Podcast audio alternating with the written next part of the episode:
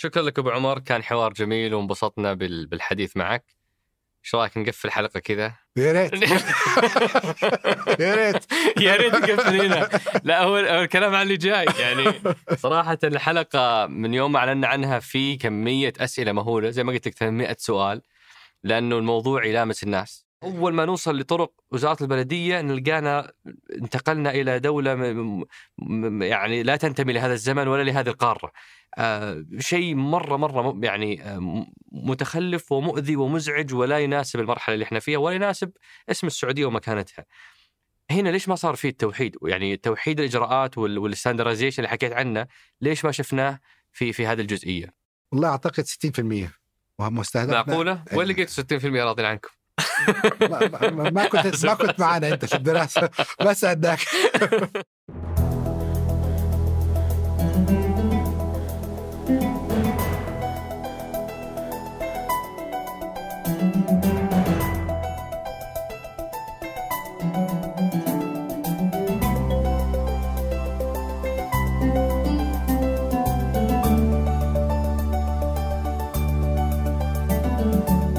هذا سقراط من ثمانية وأنا عمر الجريسي أستضيف قادة التحول وقادة الأعمال وقادة الرأي. ضيف حلقة اليوم هو معالي الأستاذ إيهاب الحشاني نائب وزير الشؤون البلدية والقروية والإسكان. حلقة مليانة فضفضة لأننا ركزنا على مشاكل وتحديات المدن السعودية. القطاع البلدي متفرع جدا وفي أكثر من مسار ما نقدر نغطيها كلها. آه، عندنا حلقات سابقة غطت موضوع الاستثمار موضوع التراخيص موضوع مدينة الرياض تحديدا. فالأشياء المكررة حاولنا نتجنبها وركزنا على مشاكل المدن السعودية بشكل عام. آه، أنها غير صديقة للإنسان أنها خالية من الحدائق والفراغات المجتمعية. آه، أن شوارعها تعيسة ومزعجة ومتهالكة ومليانة حفريات لا تنتهي. آه، أنها تخلو من الهويات العمرانية الخاصة بكل مدينة وبكل آه، آه، إقليم. آه، إنها لا تنمو بشكل مخطط. فتلاقي فجأة الشمال ثم فجأة الشرق كل هذه المشاكل طرحناها بشفافية على ضيفنا.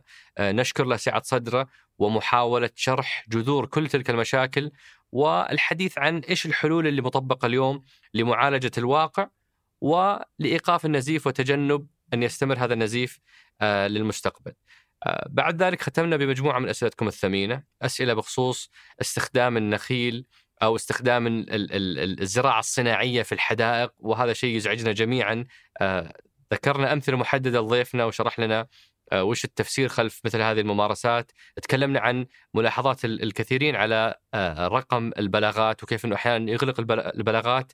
قبل ما تكون فعلا المشكلة انتهت آه، وتكلمنا عن انزعاج بعض منسوبي القطاع البلدي من عدم مساواتهم بزملائهم منسوبي قطاع الإسكان رغم أنهم وزارة واحدة. إلى آخر أسئلتكم الثمينة. هذه الحلقة برعاية شركة صفا. أترككم مع الحوار. حياك الله أبو عمر شرفتنا ونورتنا. يا هلا فيك كيف الحال؟ الله يحييك. أبو عمر آه، سولفنا قبل التصوير على اهتمامك بالرياضة كممارسة. بس آه، وش أخبارك مع الرياضة كمتابعه؟ وش تتابع؟ والله آه، بصراحة تابع الدوري المحترفين في أمريكا حق كرة القدم كرة قدم حقتهم حقتهم إي ال football مو باللي إيه. ال soccer إي إيه. ولها قصة طبعا أنا طبعا أنا رحت الثانوية وحتى من من ثاني متوسط نقلنا أمريكا كنا عايشين في مدينة قريبة من سان فرانسيسكو فكان الوالد الله يرحمه آه يعني عشان أندمج في المجتمع هناك كان يخلينا أخش رياضات في المدرسة. لعب بيسبول وتنس وكرة قدم كل شيء يعني كان عندي يمكن ثلاث أربع رياضات ألعبها. فكان جزء من الأصدقاء هناك يروحوا المباريات في ال في during the season يعني في سان فرانسيسكو وحبيت. كانت في 81 كانوا أضعف فريق في هذا 82 فازوا في في البطولة. عجيب اللي هو Forty Niner 49 إيه. ونحن هناك تقريبا ثلاث مرات فازوا فيها وكان رك... يعني كان شيء ركض فظيع بالنسبة لهم و- وبس تذكرني في طفولتي فاستمريت أتابعها والآن بعد الأسبوع الجاي بلعبين على البطولة كمان مرة ثانية أوه إيه. وش نظام ال- ال- المنافسة فيها؟ أنا حضرت مباراتين لما كنت يعني فترة في أمريكا حضرت مباراتين ما فهمت صراحة في ناس تركض وناس تطب على ناس يعني الموضوع شوي معقد. والله شكلها كده صح. إيه. ولكن ال- الجميل فيها ترى صح معقد ولكن يبغى له تفكير واستراتيجيه من الأول 11 لاعب لكل فريق كل واحد له دور. مو بس موضوع خبيط ترى. ففي يسووا formations مختلفة جميل ال game صراحة. ويذكر صراحة أحبه لأنه يذكرني في طفولتي. يعني هناك نشأتي كانت في أمريكا وهناك اللي تعلمت عليها. ولا أنا تعرف ولسه فريقك مبدع ولا تغيرت اموره؟ لا أقول لك بيلعب في النهائي. ما شاء الله. 11 فبراير. لا واقول لك كمان خبر جميل. من من ست شهور انعزمت على عشاء كان مالك الفريق موجود في العشاء في الرياض. أوه. وصرنا أصدقاء. وجاي يزورني بعد أسبوعين ثلاثة في بعد النهائي. حيجي آه، على جدة يحضر الفورمولا 1 أنا تعرفت على الفريق هذا من كثر ما الأمير عبد الله مساعد يتكلم عنه. هو الظاهر مشجع يعني شغوف بال- بالنادي هذا ولا لا؟ أكيد. أظن في الإنستغرام بيج اسمه 49 فان ولا شيء صحيح. بالضبط. صدقت.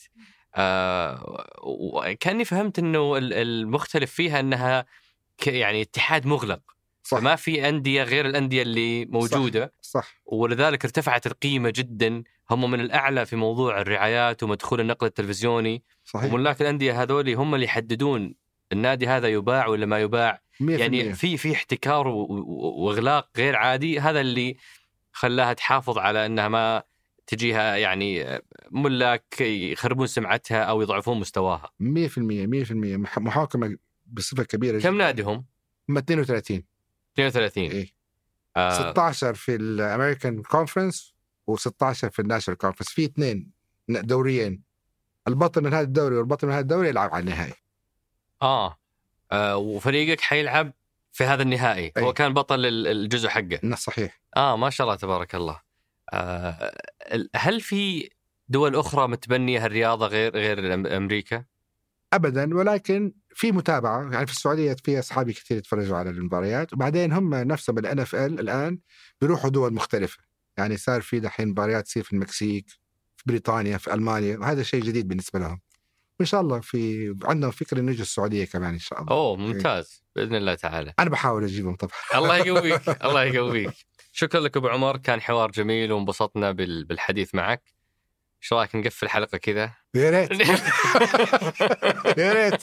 يا ريت نقفل هنا لا هو الكلام عن اللي جاي. يعني صراحة الحلقة من يوم ما اعلنا عنها في كمية أسئلة مهولة. زي ما قلت لك 800 سؤال. لأنه الموضوع يلامس الناس وي- ويلامس كثيرين. معاليك آه، نائب وزير ال- ال- الشؤون البلدية والقروية والإسكان آه، تحديدا ال- البلدي واللي هو بالنسبة لكثيرين صراحة آه، محبط مزعج لا يلبي التطلعات. والأبشع في هذه القصة إنه لا وجود لبصيص أمل بالنسبة لكثيرين حول هذا القطاع. اللي يوميا يعيشونه من يوم يصحون الصباح إلين ينامون وهم يتنقلون بين أقسام هذا القطاع. فالواقع مرير جدا، أنا أبغى أترك لك البداية عشان أنت تقدر ترسم المشهد زي ما تبغى قبل ما أبدأ أنا بأسئلتي. فحكينا عن هذا القطاع. طبعا أول شيء يعني اتكلم من طرفين كمسؤول وكمواطن كمواطن متفق مع المواطن 100% يعني أنا إذا شفتها من نظرة المواطن طبعا في نقوص كبيرة وفي احتياج للت- للتطوير كبيره جدا في القطاع ولكن كمسؤول أقول لك مثلا مبررات كيف وصلنا لهذه المرحلة؟ المرحلة هذه بدأت في السبعينات كان عدد سكان السعودية 3 مليون والآن إحنا فوق ال 30 مليون. فكان في توسع كبير في المملكة غير مسبوق 10 أضعاف في 50 سنة. في 50 سنة وغير مقبول. إذا تقارنها عالميا النمو السكاني نحن ثلاثة أضعاف النمو السكاني العالمي ترى?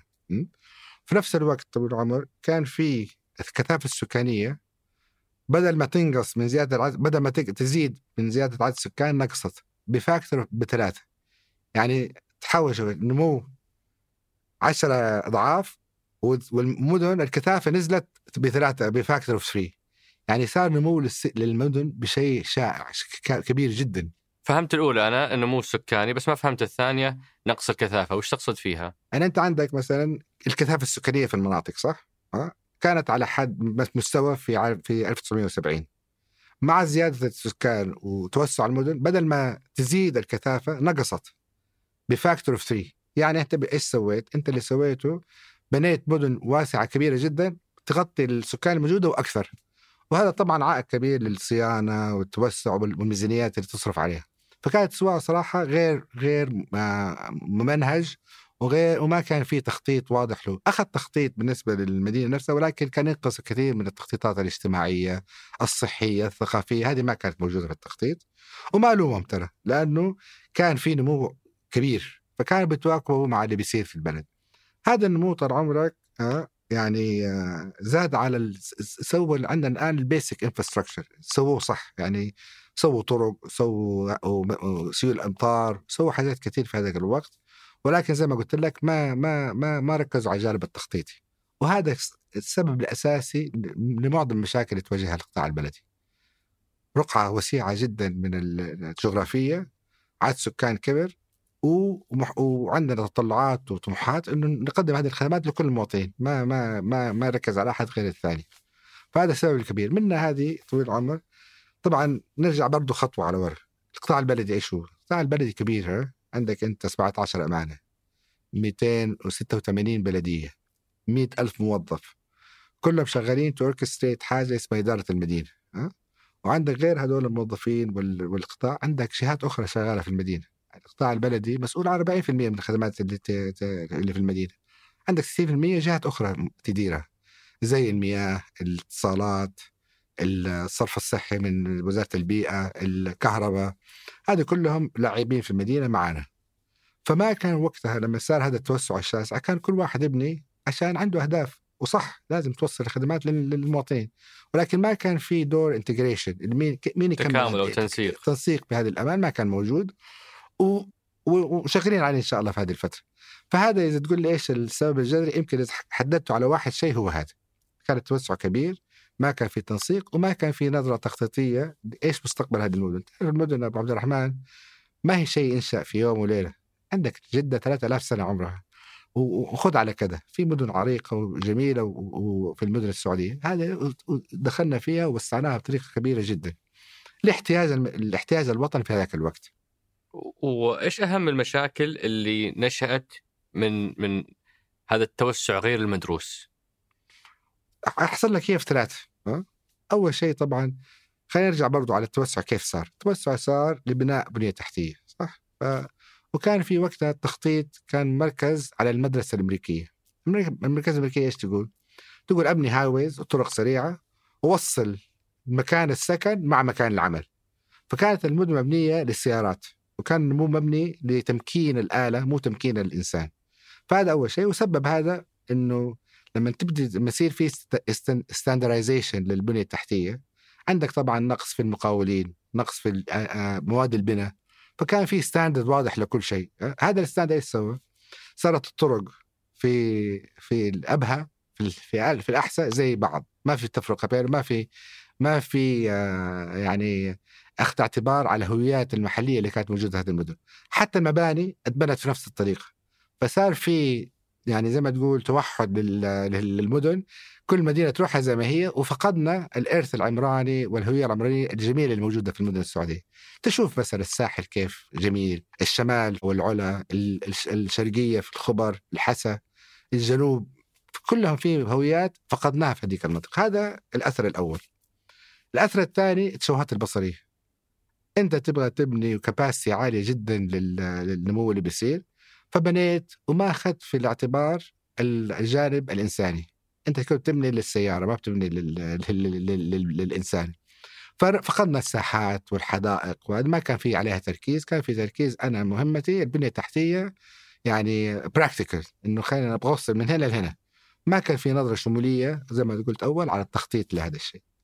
وهذا أدى لمشاكل كثيرة في الشواهد البصرية طبعا الشيء الأخير طبعا اللي صار إنه جودة الحياة لما تبني مك...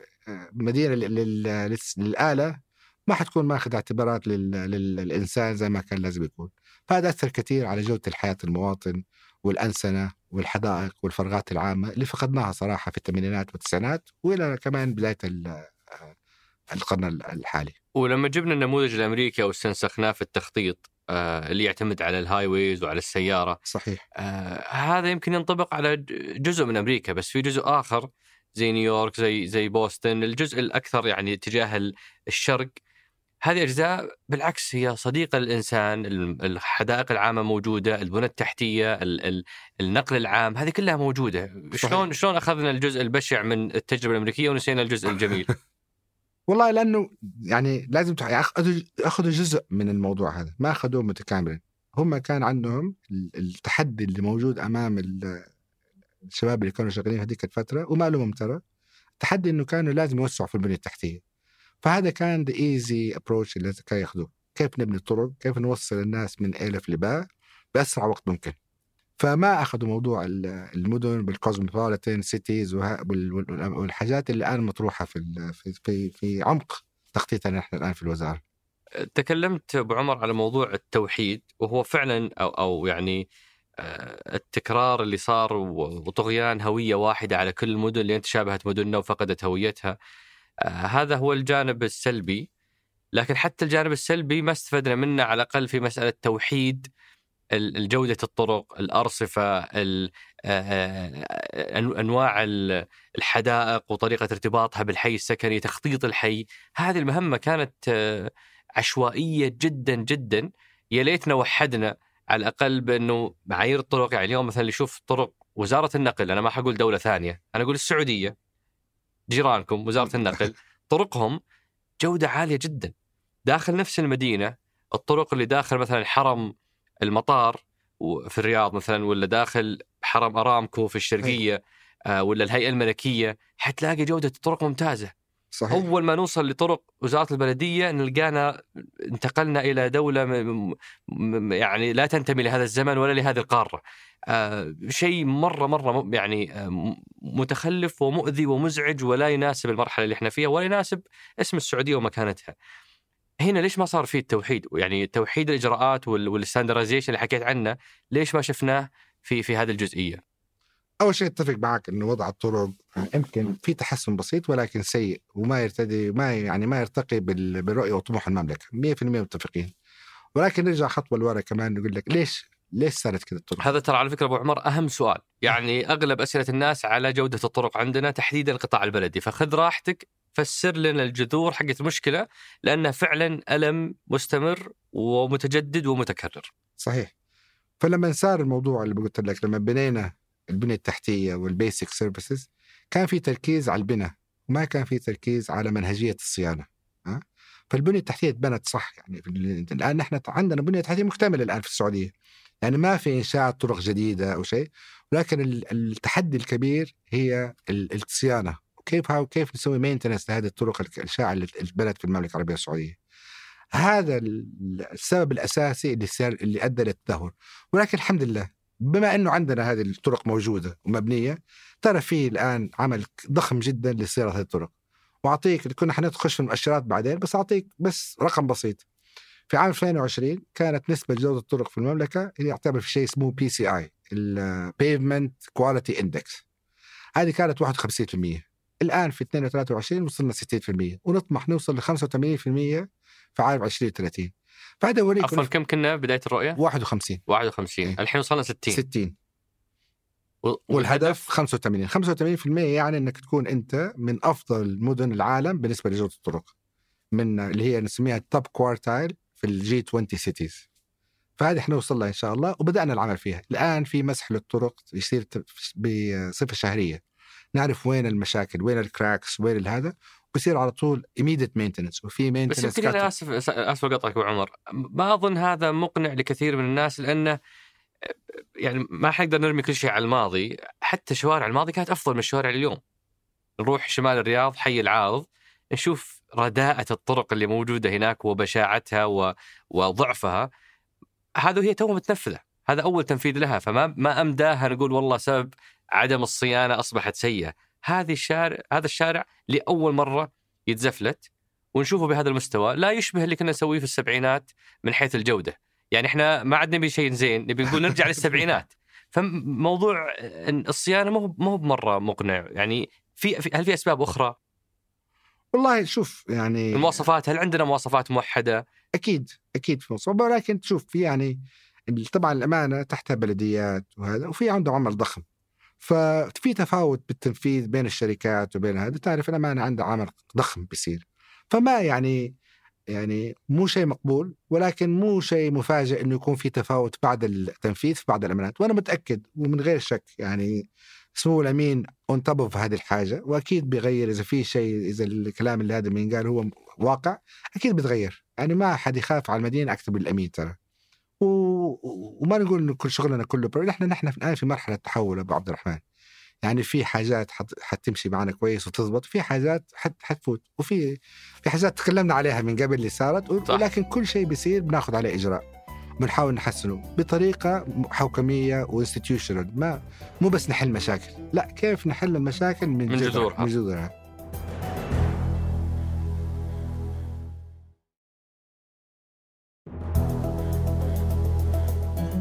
ولو جينا للشوارع بما أنه هذه أول مشكلة وممكن نمسك كل مشكلة ونتعمق فيها. آه، الشوارع فيها أكثر من مشكلة.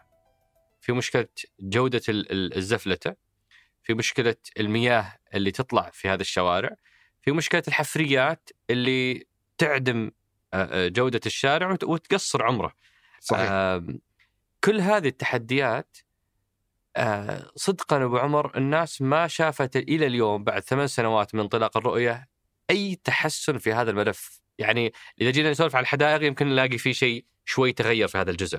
الشوارع صفر. ما شفنا أي بصيص أمل ولا شفنا أي تغيير في هذا الملف. وصحح لي لو أنا غلطان إذا في شيء تغير في هذا الجزء. والله في كثير تغير. ولكن كل مرحلة تحول تاخذ شوية وقت. إيش نسوي نحن؟ زي ما قلت لك كيف نحل المشكلة من جذورها؟ طبعا سوينا أدلة للطرق. شغالين مع هيئة الطرق الجديدة اللي إنشأت من من من قريب عشان نحط أكواد للطرق. في متابعة في التنفيذ. نحن دورنا يعني خلينا بس برضه خلينا ناخذك ورا عشان تشوف إيش دور الوزارة وإيش دور الأمانة وإيش دور الهيئات وإيش دور الجهات الثانية نحن طبعا جينا للوزارة. طبعا أول شيء كان التحدي إيش دورنا نحن كوزارة؟ مين؟ نحن إيش نسوي؟ كان في يعني تعتبره سؤال سهل ولكن سؤال تعمقنا فيه. إيش الدور الأفضل لنا الأمثل للوزارة وقلنا طبعا في عندنا دور اللي هو الانتجريت قلت المنسق للمدينة اللي هي لازم تشوف كيف الجهات العاملة في المدينة تنسق مع بعض ونمكن الأمين إنه يصير هو الرئيس التنفيذي للمدينة. هذه نسق بنشق منها أربع أدوار. الدور الأول تحديد خط الطريق. فين التوجهات العامه اللي رايحين فيها؟ كيف التوجهات؟ فين نبغى نوصل نحن كمدن سعودية؟ كيف نبغى نحقق الرؤية اللي طرحها سمو سيدي؟ اللي عليها حوكمة كبيرة جدا يعني. أنت وأنت عارف الموضوع أنت حامي هذه الرؤية تعتبر. ف ف فالدور الثاني طال عمرك كتشريعي و policy making اللي هو التشريع والسياسات والتشريعات. الدور الثالث اللي هي المراقبة وال performance management كيف ندير نقيس أداء المدن. والدور الرابع والأهم اللي هو كيف ندعم الأمانات في تحقيق هذه الإنجازات. فأكيد نحن دورنا كتشريع سوينا الأدلة سوينا خط طريق عارفين المستهدف نبغى نوصل 85% من جودة الطرق في المملكة العربية السعودية. حطينا التشريعات والسياسات اللازمة لهذا الشيء والآن نحن بنتابع الأداء ونشوف كيف نقدر نمكن الأمانات من تنفيذ الخارطه الطريق اللي وضعناها. هي مبنية طبعا على رؤية 2030 بس هل في أي قصة نجاح أي حالة نستبشر فيها يعني ما, ما, ما أنا ما شفت أنا شخصيا ما شفت ولا شيء إيجابي في موضوع الطرق م. طرق البلدية أتكلم م. الطرق وزارة النقل طرق ال ال الارامكو المطار جودتها أحسن بكثير طرق البلدية إلى اليوم ما شفت ولا قصة نجاح في أي شيء في أي بص... في مدينة معينة اشتغلتوا فيها ولا في شارع معين ولا حي معين نموذج جديد سويتوه في أي بصيص أمل في هالملف والله في كثير يا أبو عبد الرحمن يعني في عندنا وش في أمثلة؟ أه؟ أمثلة مثلا في مكة المكرمة أه؟ سوينا شوارع بطريقة يعني إبداعية تخفف حرارة الشارع عشان الناس في الشارع تعرف أوقات الحج والعمرة في مشاة كثير فيكون في مبردة للشوارع في شوارع منفذة في الخبر في الرياض ترى الرياض يمكن أخذت مثال ولكن في شوارع كثير في الرياض منفذة بطريقة جميلة. شارع الملك عبد الله شارع هذا كله ما, ما في يعني صيانة فيها دائمة والشارع ممتاز و... ففي أمثلة كثير. ولكن دائما يعني نحن ما نطمح إنه نقول والله هذا سويناه كويس ولا لا. نبغى نطمح لازم كل شيء يصير ممنهج وسوي بالطريقة الصح. فأنا بتقول لي في في العارض في شارع غلط طبعا أنا يعني هو مو في شارع كل العارض شوارع غلط. هذا هذا شيء يعني يلمني صراحة. لأنه عارفين يعني عارف الجهود اللي بتصير داخليا وعارف خوف الأمناء على على حرصهم على المواطنين فشيء يلمني ولكن في في تفاوت يعني تقدر تراقب على كل شيء ولكن بعض الأحيان ما بقول إنه عذر ولكن بعض الأحيان لازم نسمع من المواطنين نسمع منك ونحاول نصلح.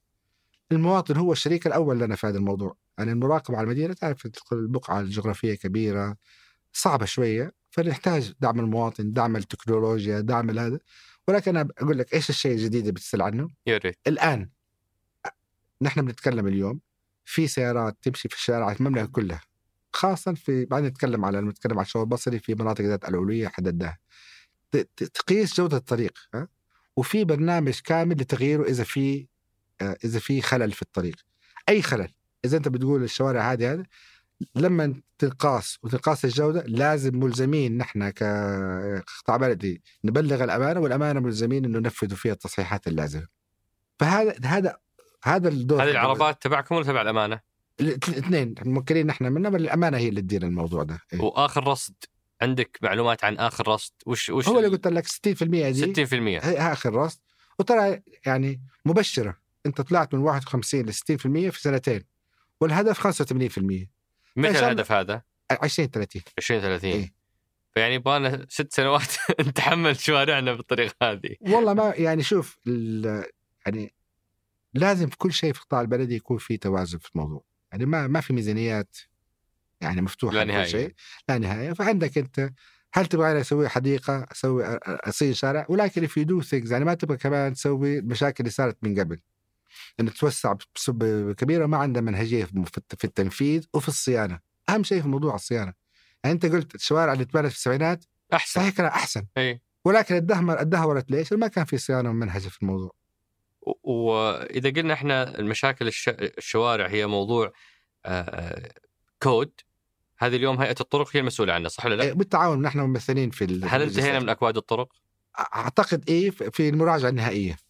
ومفترض إنه يكون عندنا أكواد للطرق في كل مدن صحيح. المملكة ومحافظاتها. صحيح. ما عاد في اجتهاد وفلسفة من من من جهات معينة. ابدا. آه المشكلة الثانية هي موضوع الحفريات. هذه يعني قابلت الجميع. ما حد أعطاني إجابة شافية.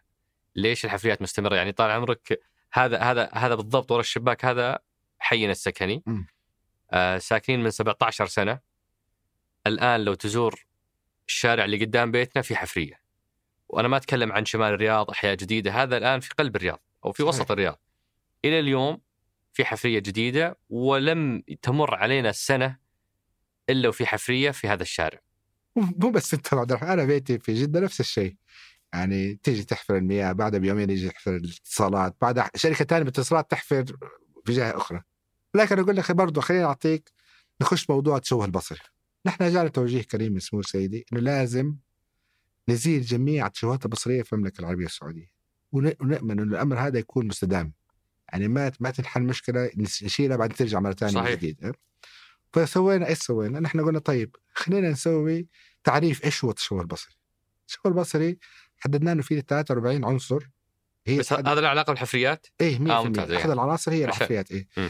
43 عنصر هي تحدد الشواهد البصرية منها 15 مسؤولية مباشرة للوزارة. و43 نحن نراقب عليها. موضوع الحفريات نحن شريك فيه لأنه نحن نراقب عليه. ولكن في جهات أخرى ها هي اللي بتحفر. وما في وما كان في تنسيق لهذه الحفريات. الآن سوينا لجنة وزارية برئاسة معالي الوزير ها فيها كل الجهات اللي تلعب في المدينة. من اتصالات من وزارة البيئة من الموان حتى موجودة في في النفايات. عشان نحوكم الموضوع. زي ما قلت لك في الأول نحن دورنا إيش؟ integrator تكاملي. فلازم نحط الناس هذول في طاولة واحدة ونعرف إذا أنت حتحفر بعد شهر لا تستنى لأنه في المياه حتحفر بعد بعد في هذا الوقت. فهذا العمل قائم ومبشر ترى. يعني إذا نرجع نتكلم عن التشوه البصري إيش قلنا؟ اخذنا كل واحد من عناصر منها الحفريات 43 عنصر. قلنا إيش التحديات وال root cause اللي وصلت هنا؟ منها تشريعية منها رقابية وعلى وأمثلة كثير. حللنا هذه كلها وكل عنصر سوينا له خطة متكاملة. الخطة لها ثلاثة عناصر. أول شيء خطة وقائية. كيف نوقف النزيف؟ كيف you stop the bleeding هذا الشيء؟ بعدين طبعا ما تقدر تقول وقائي بعدين تخلي التشوهات لازم تشيلها. فبنشيل كمان في ال fixes كيف نشيل هذه التشوهات من المدن؟ والشيء الأخير كيف نضمن استدامه هذا الإزالات من الفيل. فهذه عم سويناها على ال 43 عنصر. بدأنا الآن في المرحلة الأولى. تعرف لما تجيك مشكلة كمشكلة الشوه البصري ومشكله صراحة جدا جدا جدا جدا ما أقدر حتى لو أقول سبعة جدا مهمة بالنسبة لنا. وترى ملف طورنا فيه وقدمنا فيه بصفة كبيرة الحمد لله. قلنا إيش طيب؟ أنت بتحل مشكلة ما تخلي المشكلة عندك جبل. لازم تجزئها عشان تقدر تحلها وتصير يعني حتى الأمين وحتى نحن نعرف نتعامل معها.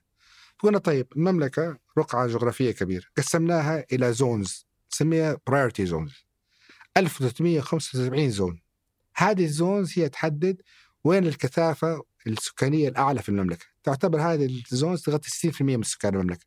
هي تعتبر لها ابعاد كثير منها وين الكثافه السكانية واحدة منهم. المسارات وين وين راح بروح من بيته للشغل من بيته للعمل للجهات الحكومية الأخرى للمطار. كل هذا اخذت في الاعتبار فحددنا هذه المناطق. فقلنا طيب خلينا نشوف. إحنا قاعدين نخطط. خلينا نشوف كم تمثل هذه من مساحة المملكة؟ تقريبا عن قليل لأنه نحن كرقعة مبنية ترى ما هي كبيرة في المملكة تقريبا 45 آه، ألف ولا 45 ألف كيلو متر مربع كرقعه فتمثل من هذه تمثل تقريبا 18% which is normal ترى 80 20 rule عندك 20% من الناس ساكنين في فيغطوا 80% من ف فال 43 عنصر هذا أخذناها واحد واحد وبدأنا قلنا خلينا نشوف هل القطاع البلدي عنده إمكانية إنه ينجز في هذا الشيء. فأخذنا شيء سميناه ال shock therapy أول ست عناصر عناصر منها آه، ال الأعمدة منها الأرصفة والسيارات التالفة. أخذنا ست عناصر وقلنا طيب خلينا نسوي عليها شك ثيرابي في ثلاثة شهور يا شباب يا إخوان الامناء نبغى نزيل هذه الشبهات من المدن السعودية. والله يا أبو عبد الرحمن يعني شيء مفاجئ. الامناء اجتهدوا وعملوا وفي آه، يعني اسبوعيا الوزير يجتمع مع كل أمين يتابع هذا الشيء. بدأنا في في البيت. أول شيء زودنا الرقابة في هذه المناطق. من كان ال coverage فيها تقريبا 37% الآن صار 70% ال phase الأول هذا نزلت التشوهات العناصر التشوهات البصرية الستة بمعدل 70% في أربع شهور. فأنت تخيل أعطتنا إيش؟ هذه؟ أريحية إنه نحن ماشيين في الطريق الصح وإنه في تركيز على التنفيذ وإنه نحن بالتعاون مع شركائنا الأمانات ها؟ نقدر نسوي هذا الشيء. خلصنا من ال phase الأول بدأنا ال phase الثاني. وترى الجميل في الموضوع إنه ما في إعادة يعني مشيت الخطة صح. سوينا الوقاية شلنا التشوهات وما رجعت التشوهات. وهذا كله عن طريق تشريعات وتنظيمات وطبعا محفزات للعاملين في المنطقة. المرحلة الجاية حيصير نوسع العدد ونوسع النطاق كمان. وإن شاء الله ب 2030 بيكون غطينا كل المملكة ويصير إن شاء الله والله أنا واثق ها ومو كلام هذا إنه واثق 100% إنه ب 2030 شيء اسمه شوه بصري يصير حاجة تاريخية ما نتعايش معها خلاص.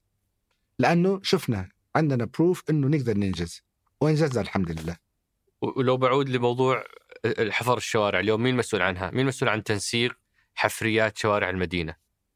المفروض القطاع البلدي طبعا نحن نحن هل في مركز محدد مسؤول عن تنسيق بين هذه الجهات؟ طبعا طبعا. الآن قائم المركز الآن بقيام وسوينا system متكامل لهذا الموضوع إنه يصير في ضمن المخططات اللي بتصير وين الواحد بيحفر وين بيسوي ويصير في timeline لكل جهة. يصير ما واحد يجي حق المياه إذا بده يحفر لازم ينسق مع حق الكهرباء عن طريق المجلس وال system هو طبعا مؤتمت ما هو ما هو مو physical تعرف؟ بس طبعا كل جهة لازم تحط خطتها الخمسية لازم تعرف نحن رايحين إيش ال infrastructure provision اللي بده يصير. فيبغى لنا عمل تكاملي. والحمد لله يعني ممكن أقول لك إنه دائما أي ملف ترى تطرحه في المركز الحكومي يكون في يعني debate عالي جدا. لا. ما لا. إلا ملف الشغل البصري. كلنا عايشين هذه المشكلة وكل الوزارات وكل الجهات دعموا دعم كامل لهذا الملف. وعشان كذا السنة بينجح. لأنه في تكامل في الموضوع وفي دعم كبير من, من كل الجهات. وهذا حتاخذ وقت لين نبدأ نتلافى وما عاد نشوف حفريات في, في الشوارع؟ طبعا طبعا. في المواقع القائمة. بس ماذا عن المواقع الجديدة؟ يعني اليوم إحنا عندنا ضواحي قاعدة تنشأ قد تكون هي ضعف مدينة الرياض أو هي التوسع حق مدينة الرياض سواء صحيح. روشن ولا الوطنية الإسكان الخزام والمناطق المحيطة بالمطار هذه كلها أحياء جديدة. صحيح. هل تلافينا المشكلة؟ هل وصلنا الخدمات كلها مرة واحدة؟ هل سكان هذيك المناطق بيعيشون نفس المعاناة ونفس الحفريات ولا عالجنا ولا عالجنا التحدي؟ والله شوف أكيد حاولنا نعالج التحدي طبعا إذا في آه، بعض النواقص ما بقول لك إنه 100% perfect ولكن في الضواحي الكبيرة طبعا معالجة 100% في طبعا بعض الملاحظات على بعض الضواحي ولكن هذه بتنحل as we go يعني نحن الآن أبو عبد الرحمن in the middle of the transformation في التحول رحلة التحول اللي بن- بنسوي فيها. ما ولا نحن ما أنا بقول لك لسه ما أخذنا الخطوة الأولى نحن في البداية. ولكن الحمد لله مبشرة البداية. يعني عارف شايفين خط نهاية نقدر نشتغل ون- ونكون محمسين نكمل شغلنا. لأنه مو سهل ترى. يعني زي ما زي ما قلت لك أولا يعني المدينة كبيرة المدينة الرقعة ضخمة جدا التحديات كثيرة جدا. يعني كل ملف ترى عالم. قلت لك ال 43 ملف حق التشوه البصري كل واحدة لها business plan كل واحدة تعتبر هيئة منفصلة يعني. تقدر تسوي هيئة للحفريات هيئة للطرق هيئة ل... وهذا اللي بيصير. فلازم نسويه. بس أهم شيء يا أبو عبد الرحمن إنه يكون العمل محوكم ممنهج ونضمن إنه ما ينعاد من جديد. ما هو موضوع بس مو كل مشكلة تقدر ترمي عليها فلوس وتتحل. هذا غلط. لازم نسوي شيء الطريقة الصح. وهذا اللي بنحاول نسويه في القطاع البلدي وأغلب ال- الحديث السابق أبو عمر آه، يشير بشكل غير مباشر إلى مشكلة التخطيط. آه، وجزء من المعالجة هي حسن التخطيط. صح اليوم من اللي يخطط المدن؟ لأننا قاعدين نشوف المدن تتحرك بش- بشكل عشوائي، فلو أخذنا مثال الرياض نلاقي إنه توسع كله كان شمال.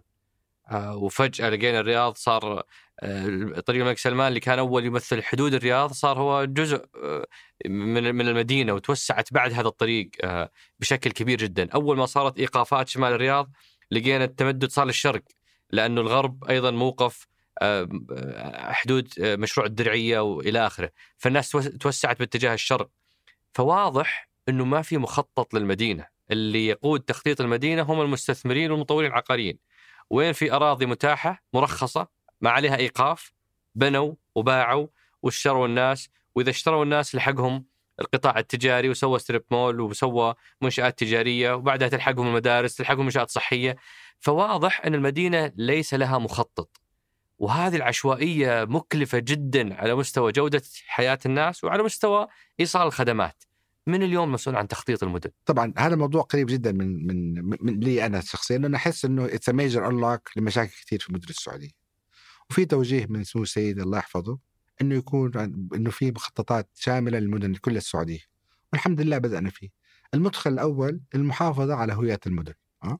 وهذا الحمد لله تم عمل ضخم عليه في السنين الماضية.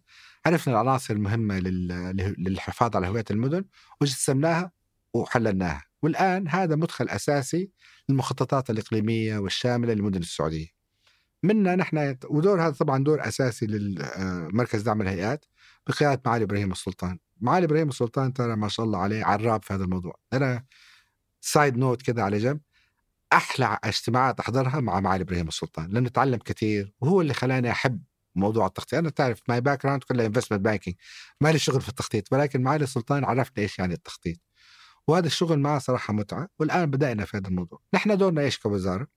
نحن كمنظم تشريعي وطني نسوي فقط ال framework إيه لازم يكون في توازي بين المخططات اللي حتتم. إيش ال major inputs وال outputs من كل خطة. هذا دورنا. وبعدين تنزل الأمانات والهيئات وهم يكملوا الشغل ال- الشغل المحلي. زي ما تفضلت هذا السؤال. إيش الفرق بين المركزي والمحلي؟ هذا هذا الدور. والحمد لله قطعنا شوط طويل وقريبا إن شاء الله كل المخططات في كل المناطق بتنتهي. في منها حتنتهي في 24 ومنها تاخذ وقت في أطول. الفترة الماضية ما كان في مخططات توجيهية للمدن. الآن العمل اللي صار هذا سيبدأ من 24 لا بدأ. بدأ. إيه بعضه حينتهي في 24 أوكي. ولكن بدأ. برضو آه، مو أصلح بس إنه في كان مخططات ولكن ما كانت مكتملة. ما اخذ جوانب كثير مهمة للمدينة لاداره المدينة. جوانب موضوع ال- الصحة ال- التعليم الثقافة حتى موضوع ال- جودة الحياة وانسنه المدن ما كانت ماخوذه فيها كان زي ما زي ما قلنا أول اللقاء كان موضوع كيف اوصل ال- الإنسان من محل لمحل بالسيارة في أسرع وقت ممكن.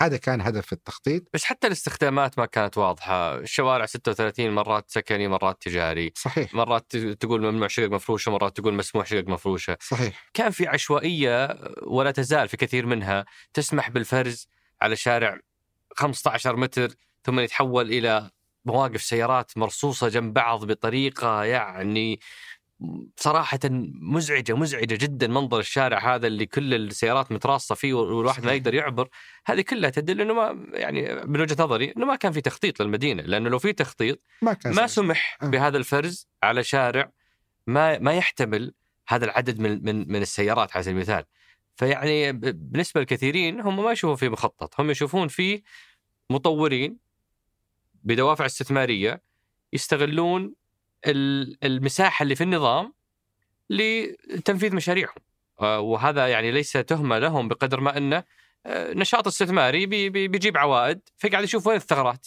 مسموح لي أبني في في 36 ببني صحيح. 36 صحيح. مسموح لي أفرز هنا راح أفرز هنا فهو قاعد يتحرك في مساحة المسموح والنتيجة هي انه المدن اليوم آه، تتحرك بطريقة ليس لها علاقة بمخطط حضري أساسي لهذه ال- ال- المدينة. شوف ما اختلف معك. المشاكل هذه قائمة 100% بس في جهود في في الوزارة ومع دع... ومركز دعم الهيئات لحلها، أول شيء قلت تكلمنا عن المخططات وهذا جزء من الحل ما هو الحل الشامل ترى. لكن بس المخرج منه إنه حيكون لكل مدينة مخططها. 100% 100% وحتى الآن نحن ما, ما حنستنى سنة سنتين عشان نسوي. لازم نحل مشاكل يعني المدينة حية. ما تستنى تقول والله خلصنا المخطط بعدين احل لا. الآن سوينا مثلا آه كمثال تكلمت على موضوع ال- المواقف. في master plan للمملكة كلها. فين المواقف تروح؟ حتى في الاحياء السكنيه كيف نكون هذه ال off-street وال on-street parking ترى مو هدفها إنه استثمار ولا فلوس. استخدامها تنظيم زي ما تفضلت. إنه كيف ما يصير في هذه عدد السيارات الرهيب اللي بتكلم عليه في الشوارع في في الحياة السكنيه يسبب آه، يعني يس- يسبب كثير من المشاكل. غير البيئية غير موضوع السلامة موضوع ال- التشوه اللي, اللي ينتج من هذا الشيء. طبعا كل واحد يحط مظلة فيعني تجون تمنعون المظلات ويسوون مخالفاتهم وتسمحون فيها في جدة ويصيرون يقول الناس ليش هناك مسموح هنا ممنوع. يعني فيها مشاكل كثيرة. بس إني برجع للفكرة الأساسية ان اليوم عندنا جهة قاعدة تعمل على مخططات لكل المدن. صحيح. فالت- فالتوسع العشوائي اللي قاعدين نعيشه المفترض هذا ينتهي للأبد. إحدى المخرجات حقت ال- المخططات الشامله والاقليميه يسموه ال urban growth boundaries إيش حدود التنمية في المدينة؟ حلو. هذا وجه فيه سمو سيدي هو انتهي طبعا الموجود انتهي في 1450 وجه سمو سيدي ان ننظر الآن ك pilot منطقة الرياض. والآن عمل قائم عليها عشان نشوف كيف نحل هذا الموضوع وهذا ترى وثيقة مهمة فيها تشريع مهم. إيش ال growth فين تروح أنت؟ كيف المدن تكمل بعض؟ إيش ال competitive advantage حق الرياض على الخارج على هذا كيف الرياض تقدر تستوعب السكان هذول؟ فأنت يعني خلينا نتكلم بس ثواني على مدينة الرياض. براحتك. أكيد حتسألني على الازدحام ولا طبعا. أنت شوف أنا بقول لك الآن طبعا مشكلتك أنا أعاني منها. أقول لك ساكن في كافد عشان ما عشان ما اتفادى الازدحام اللي رايح الشغل.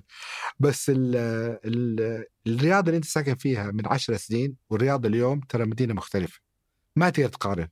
فلازم يكون في عندنا أول شيء يعني manage the expectation نحن فين؟ نحن نبغى الرياض تكون عاصمة عالمية. نحن ما تقارن الرياض في في أي مدينة ثانية غير نيويورك آه، لندن باريس شنغهاي هونغ كونغ.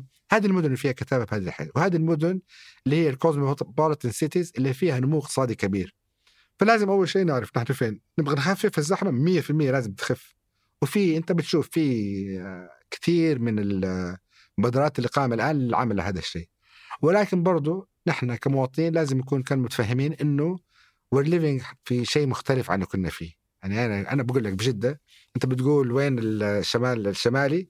أنا جدة أبحر كان سفر. كنا نعبي شنطة ونقعد. خلاص ما حنرجع.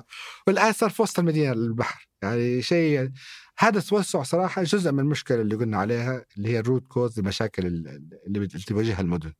ف... فجزء من من ملامح المخطط الجديد إنه له حدود للمدينة. لازم. طبعا لن طبعاً. يتجاوزها بأي حال من الأحوال إذا مستحيل. انت عندك توسع راح يرجع لل- للوسط وأحيي. الوسط ارجع. أحيي المناطق اللي مكتملة الخدمات اليوم ومهملة وفاضية متروكة ل آه، لاستخدامات غير مرضية صحيح. فهذا جزء من المخطط 100% و- والعمل قائم عليه يعني أنت بتقول إن إحنا كيف يعني تقول ال ال ال كيف معقد القطاع البلدي هذا لو خدناها سيكونشال لازم تستنى المخطط وتسويها كذا. نحن قلنا لا في مشاكل لازم تتعامل معها اليوم وتكون نخلصها وتصير مدخل لل- للخطط الإقليمية والشاملة. هذا واحدة حتى الحاجات اللازم لأنه لقينا تحدي كبير. أنت تطرقت عليه بسرعة. كيف التوسع اللي بيصير؟ فهذا لازم نحله اليوم. ما نستنى والله لا خلينا نخلص ال- المخطط الشامل بعدين نشوف كيف توسعت المدن ولا ال urban growth bounds حق المدن. فالتعامل معه الآن وحيتنفذ على المملكة كلها. ونفس المنهجية بالضبط اللي قلت لك عليها. دون نحن طبعا هذا ال- المالك الملف أمانة الرياض مع مع مع الهيئة الملكية. نحن دورنا فقط نحط ال frame إيش المخرجات الأساسية؟ إيش الحاجات المهمة اللي لازم تأخذها في الاعتبار لما نسوي حدود تنمية للمدينة؟ هذا دور الوزارة الأساسي هو مشرع و direction setter بعد كده تنزل للأمانات وال- والهيئات ويصير هم يضمنوها ضمن مخططهم الشامل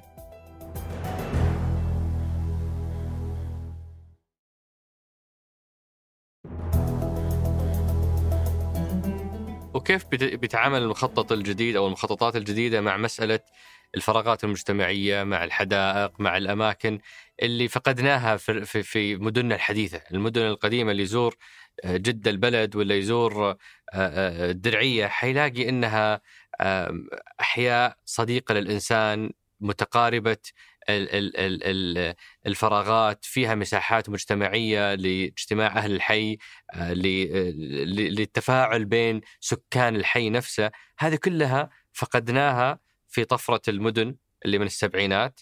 اليوم كيف نستعيد هذه الفراغات وهذه الحدائق وهذه المرافق المجتمعية اللي ما عاد هي موجودة والله طبعا هذا السؤال ال- يا ريت كل الأسئلة هذا طبعا أنا أخرته لأن عارف إنه في أشياء كويسة آه، فيه آه. فقلت ما ينفع نبدأ بأشياء كويسة. آه. فأخرناها شوي يعني. لا شوف الموضوع هذا مهم صراحة جدا لأنه يعني برضو أكلمك بصفة شخصية.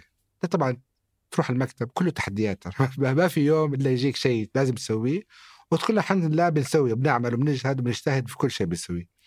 ففي موضوع كيف نحاول نسعد البني آدم الإنسان اللي عايش في المدينة. فسوينا طبعا بناء على مستهدفات الرؤية اللي هي عندنا. مستهدفين نحن أساسيين رضا السكان على الخدمات البلدية وموضوع المشهد تحسين المشهد الحضري في مدن السعودية. فقلنا في مشروع اسمه نحن طبعا تكلمنا على البنية التحتية اللي اتبنت كيف المدن توسعت. فنحن عندنا مدن قائمة. فسوينا شيء اسمه تدخلات حضرية وحدائق. هذا اسمه مشروع بهجة. بهجة جاية إنه نبهج الناس وجاية من القرآن ترى. حد... واسمه حدائق ذات بهجة في سوره النمل فسوينا مشروع بهجه اللي يهدف يستهدف إنه كيف نبني آه يعني تدخلات في المدن اللي نحول المدينة من مدينة مبنية. لل... للآلة والسيارة إلى مدينة مبنية للإنسان. والحمد لله يعني كيف تم هذا الموضوع؟ أول شيء طبعا ما نبغى نسويه عشوائي.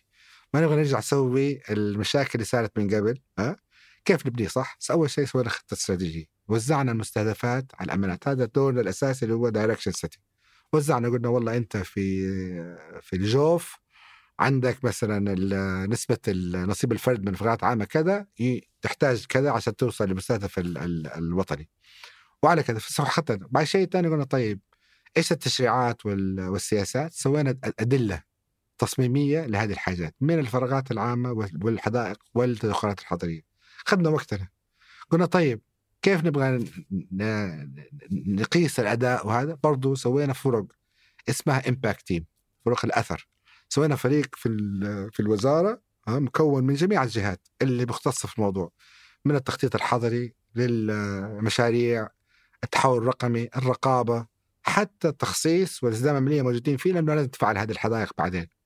وحتى طويل العمر كنا حتى ال- الخدمات المساندة حقون الميزانية معانا لأنه إذا في تحدي عند الأمانة الميزانية برضو كيف نلاقي حلول لها ونفعل. والدور الأخير هو كيف ندعم الأمانات. صراحة الأمانات هم الأساس في هذا الموضوع. يعني صراحة دي إكسل سووا شغل رهيب ها؟ ما بقول لك إنه وصلنا لأنه هذه كانت سنة تجربة. ما ما كانت سنة إنه هي خلاص إطلاق. كان إطلاق ولكن تجربة. نشوف إيش الكباسيتي حق القطاع البلدي؟ إيش نقدر نسوي؟ وايش ما نقدر نسوي؟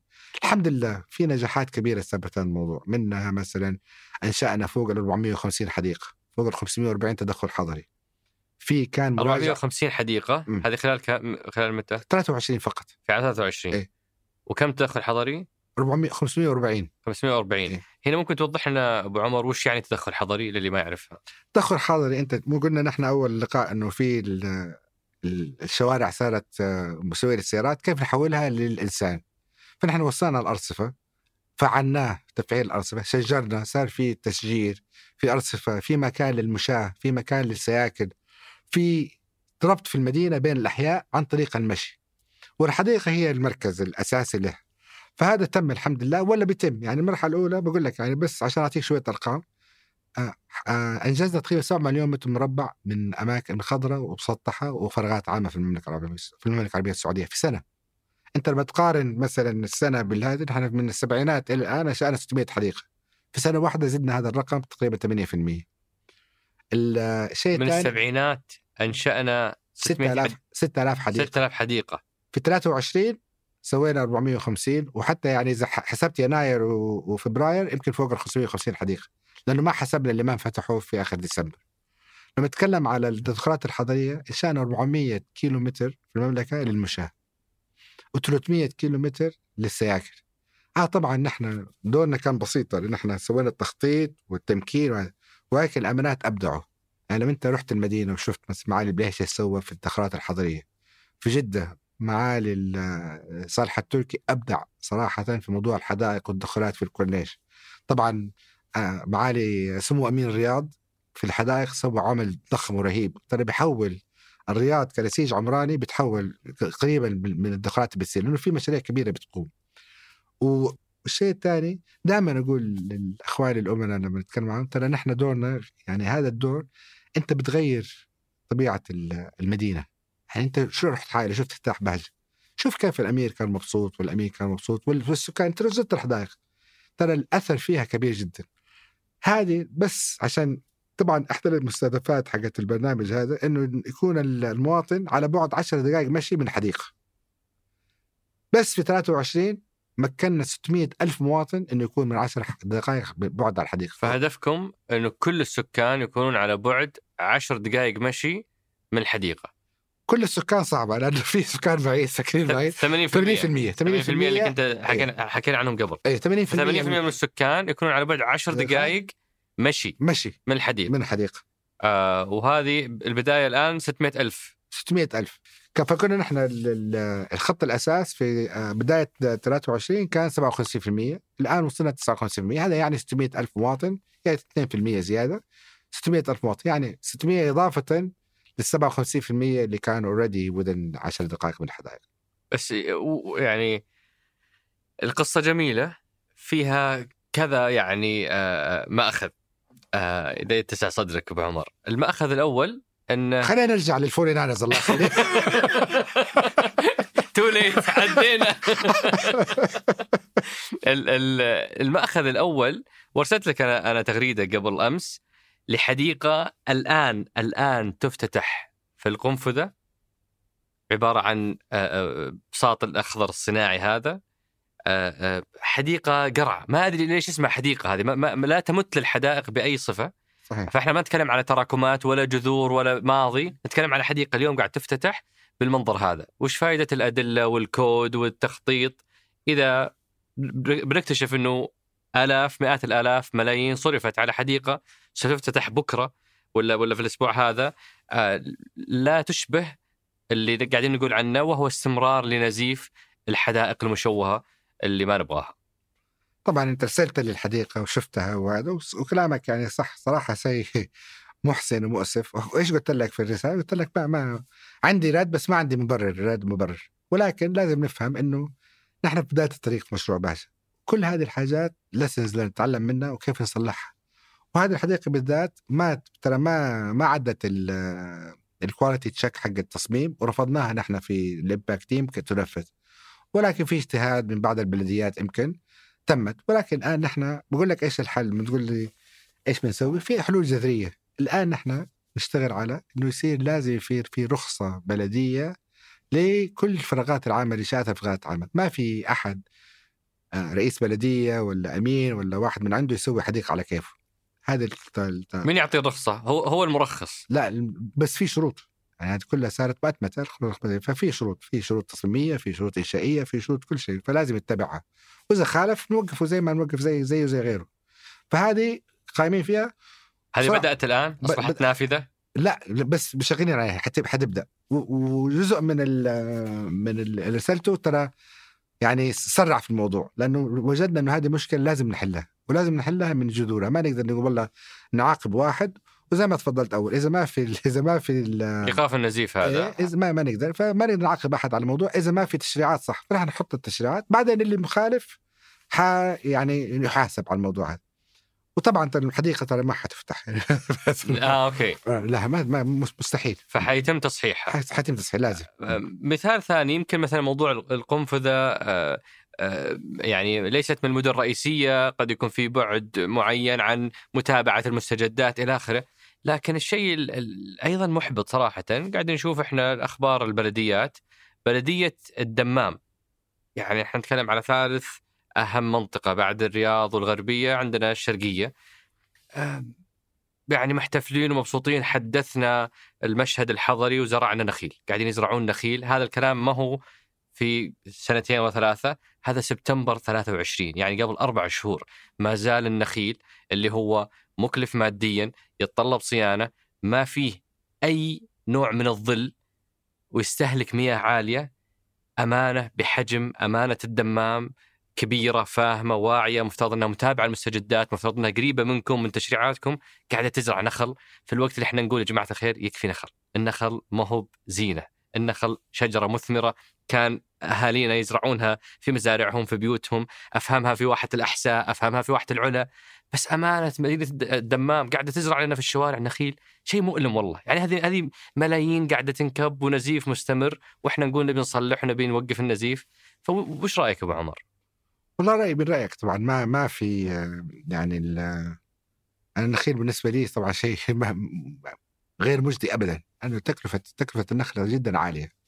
ما ما حبرر اللي صار ما ما أعرف صراحة أرجع أرجع أشوف وهذا ولكن نحن إذا نرجع لدور الوزارة آسف للتوضيح هي بلدية شرق الدمام وليس أمانة الدمام بس هي بلدية شرق الدمام. يعني إحنا بدأنا زي ما تفضلت زي ما زي ما قلت لك انه إحنا بدأنا الآن في المسار وزي ما قلت لك نحن في أول خطوة. طبعا في تفاوت بين أداء الأمانات والبلديات على مستوى المملكة كلها. ما أتوقع إنه كلهم يكونوا ملتزمين هذا في هذا الشورت بيريد ولكن يعني إذا نفذنا نحن دورنا كوزارة وسوينا التخطيط الصح والمراقبة وقياس الأداء الصح لازم هذه الحاجات ما تصير. فإن شاء الله بنعالجها. ما بقول لك ما في مبرر باللي صار ولكن حرجع أنا شخصيا حتابع الموضوع أشوف ليش صار الكلام هذا. وأكيد الشباب عندهم مبررات نف- نفهم منهم ليش. يمكن تكون تكاملا لشيء سووه من قبل ولا تكون غلط 100% إذا في غلط لازم يصحح وهنا يعني عشان برضو نكون منصفين يعني صراحة اللي أنا شفته لما زرت المدينة المنورة آه، كان شيء مبهج. كان شيء آه، أعتبره أفضل نموذج وأفضل مثال شفته. آه، حايل نفس الفكرة. آه، كان فيها حراك ممتاز. آه، وكان فيها حتى يعني خطوة متقدمة في موضوع ملاعب البادل وملاعب كرة القدم ومن أول يوم افتتاح لما يعني رحت أزور الحدائق في حايل كان يعني سكان الحي مباشرة بدأوا و- واندمجوا. فيها وبدأت الأنشطة آه، مباشرة وهي تعكس تعطش الناس واحتياجهم لمثل هذه الفراغات. آه، ففي نماذج ممتازة في نماذج مش- مشرفة ولكنها تعتبر الاستثناء. يعني المدينة المنورة حايل آه، كم حديقة في جدة كم حديقة في الرياض هذا الاستثناء.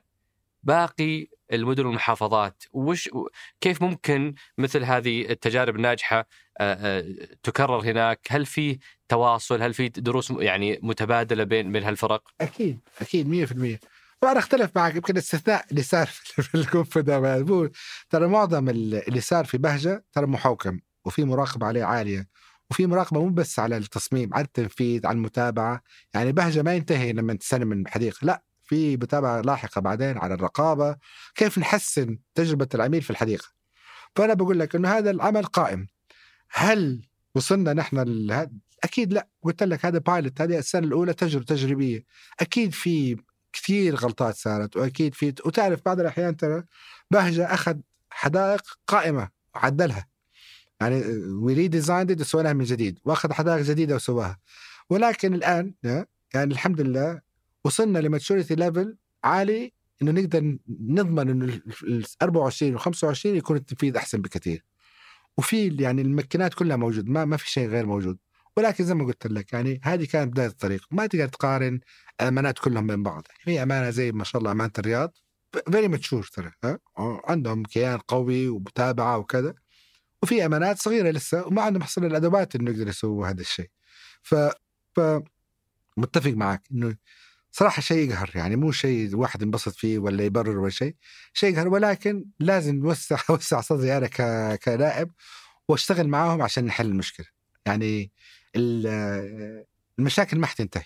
حيجيك واحد يفتي ويسوي لك اللي يبغى في هذا برضه لازم ترجع تقعد معاه. وأبشع ما في القصة أبو عمر انه حديقة واحدة زي زي حديقة القنفذة هي اللي صورها حيتدورونها الناس ويقولون شوفوا حدائقنا. وحتجي تخرب على عشرات الحدائق بل مئات, مئات الحدائق اللي نفذت بطريقة رائعة وروعي فيها الأشجار المحلية روعي فيها ال ال ال الاستخدامات ازيلت الأسوار وبدأتوا أنتم حتى بمقركم. يعني صحيح. وهذا كانت خطوة جدا جميلة إنه قطاع البلدي حديقته مقفله. فبدأتوا ب... وهي رسالة جدا ممتازة إنه اليوم مفتوحة ولما أمشي في طريق الملك فهد آه، ألاقي الناس جالسة ومبسوطة. والحديقه جميلة حرام إنها ما وزعت أول بس لمنسوبينكم الآن كل سكان المدينة يستمتعون بهذه الحديقة فما ودنا هذه الأخطاء الغريبة اللي شلون مرت بال system من ال system إنها تهدم العمل الممتاز اللي قاعد يصير في آه، في هذا الجانب. 100% ولكن زي ما قلت لك أبو عبد الرحمن هذه سنة تجريبية في a lot of lessons learned اخذناها وبنعد وكل شيء بيتحسن يعني لازم يعني زي ما تفضلت هذه ترى يعني أنت كنت إحدى قادة المشروع ده لما ارسلت لي حق القنفذ سرعنا موضوع التراخيص إنشاء الحدائق لازم يكون مرخص خلاص. عرفنا إنه ما تعميم وما تعميم ما يمشي لازم يكون في أداة اداء تشريعية نحافظ على على الحديقة.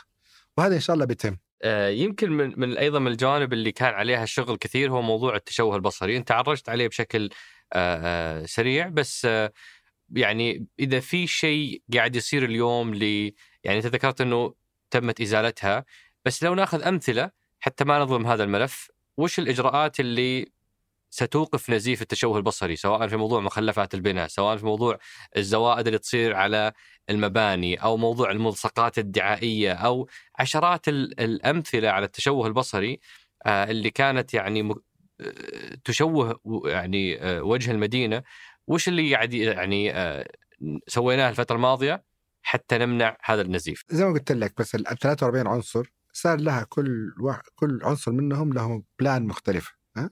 وهي 43 معلنة واضحة للناس؟ إي إي في لكن الناس يقولون إنها شوي ما هي محددة يعني لا تخضع لتفسير المراقب لا لا لا محددة 100% حلو. ما عارفين عنصر عنصر وكل عنصر له بلان فقلت قلت لك أو اتطرقت إنه في إيش أول شيء نشوف نحلل إيش العنصر هذا وإيش الفراغات التشريعية والرقابية اللي موجودة فيه ونغطيها.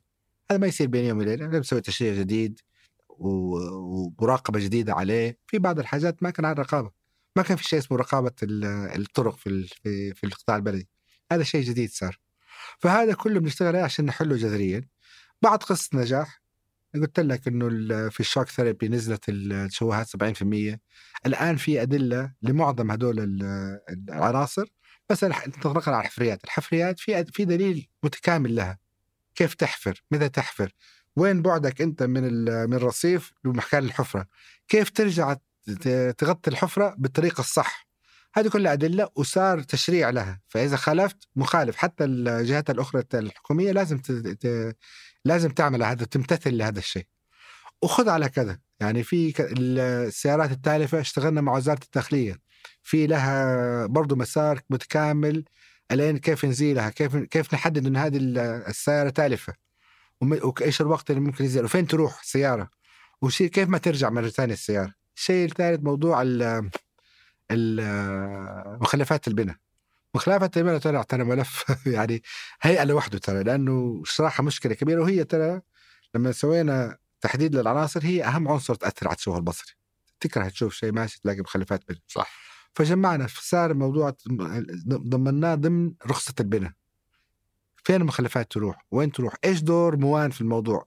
مين. مين المشرع لنقل هذه المخلفات من مكان مكانها إلى المردم ولا ولا مكان التدوير لها؟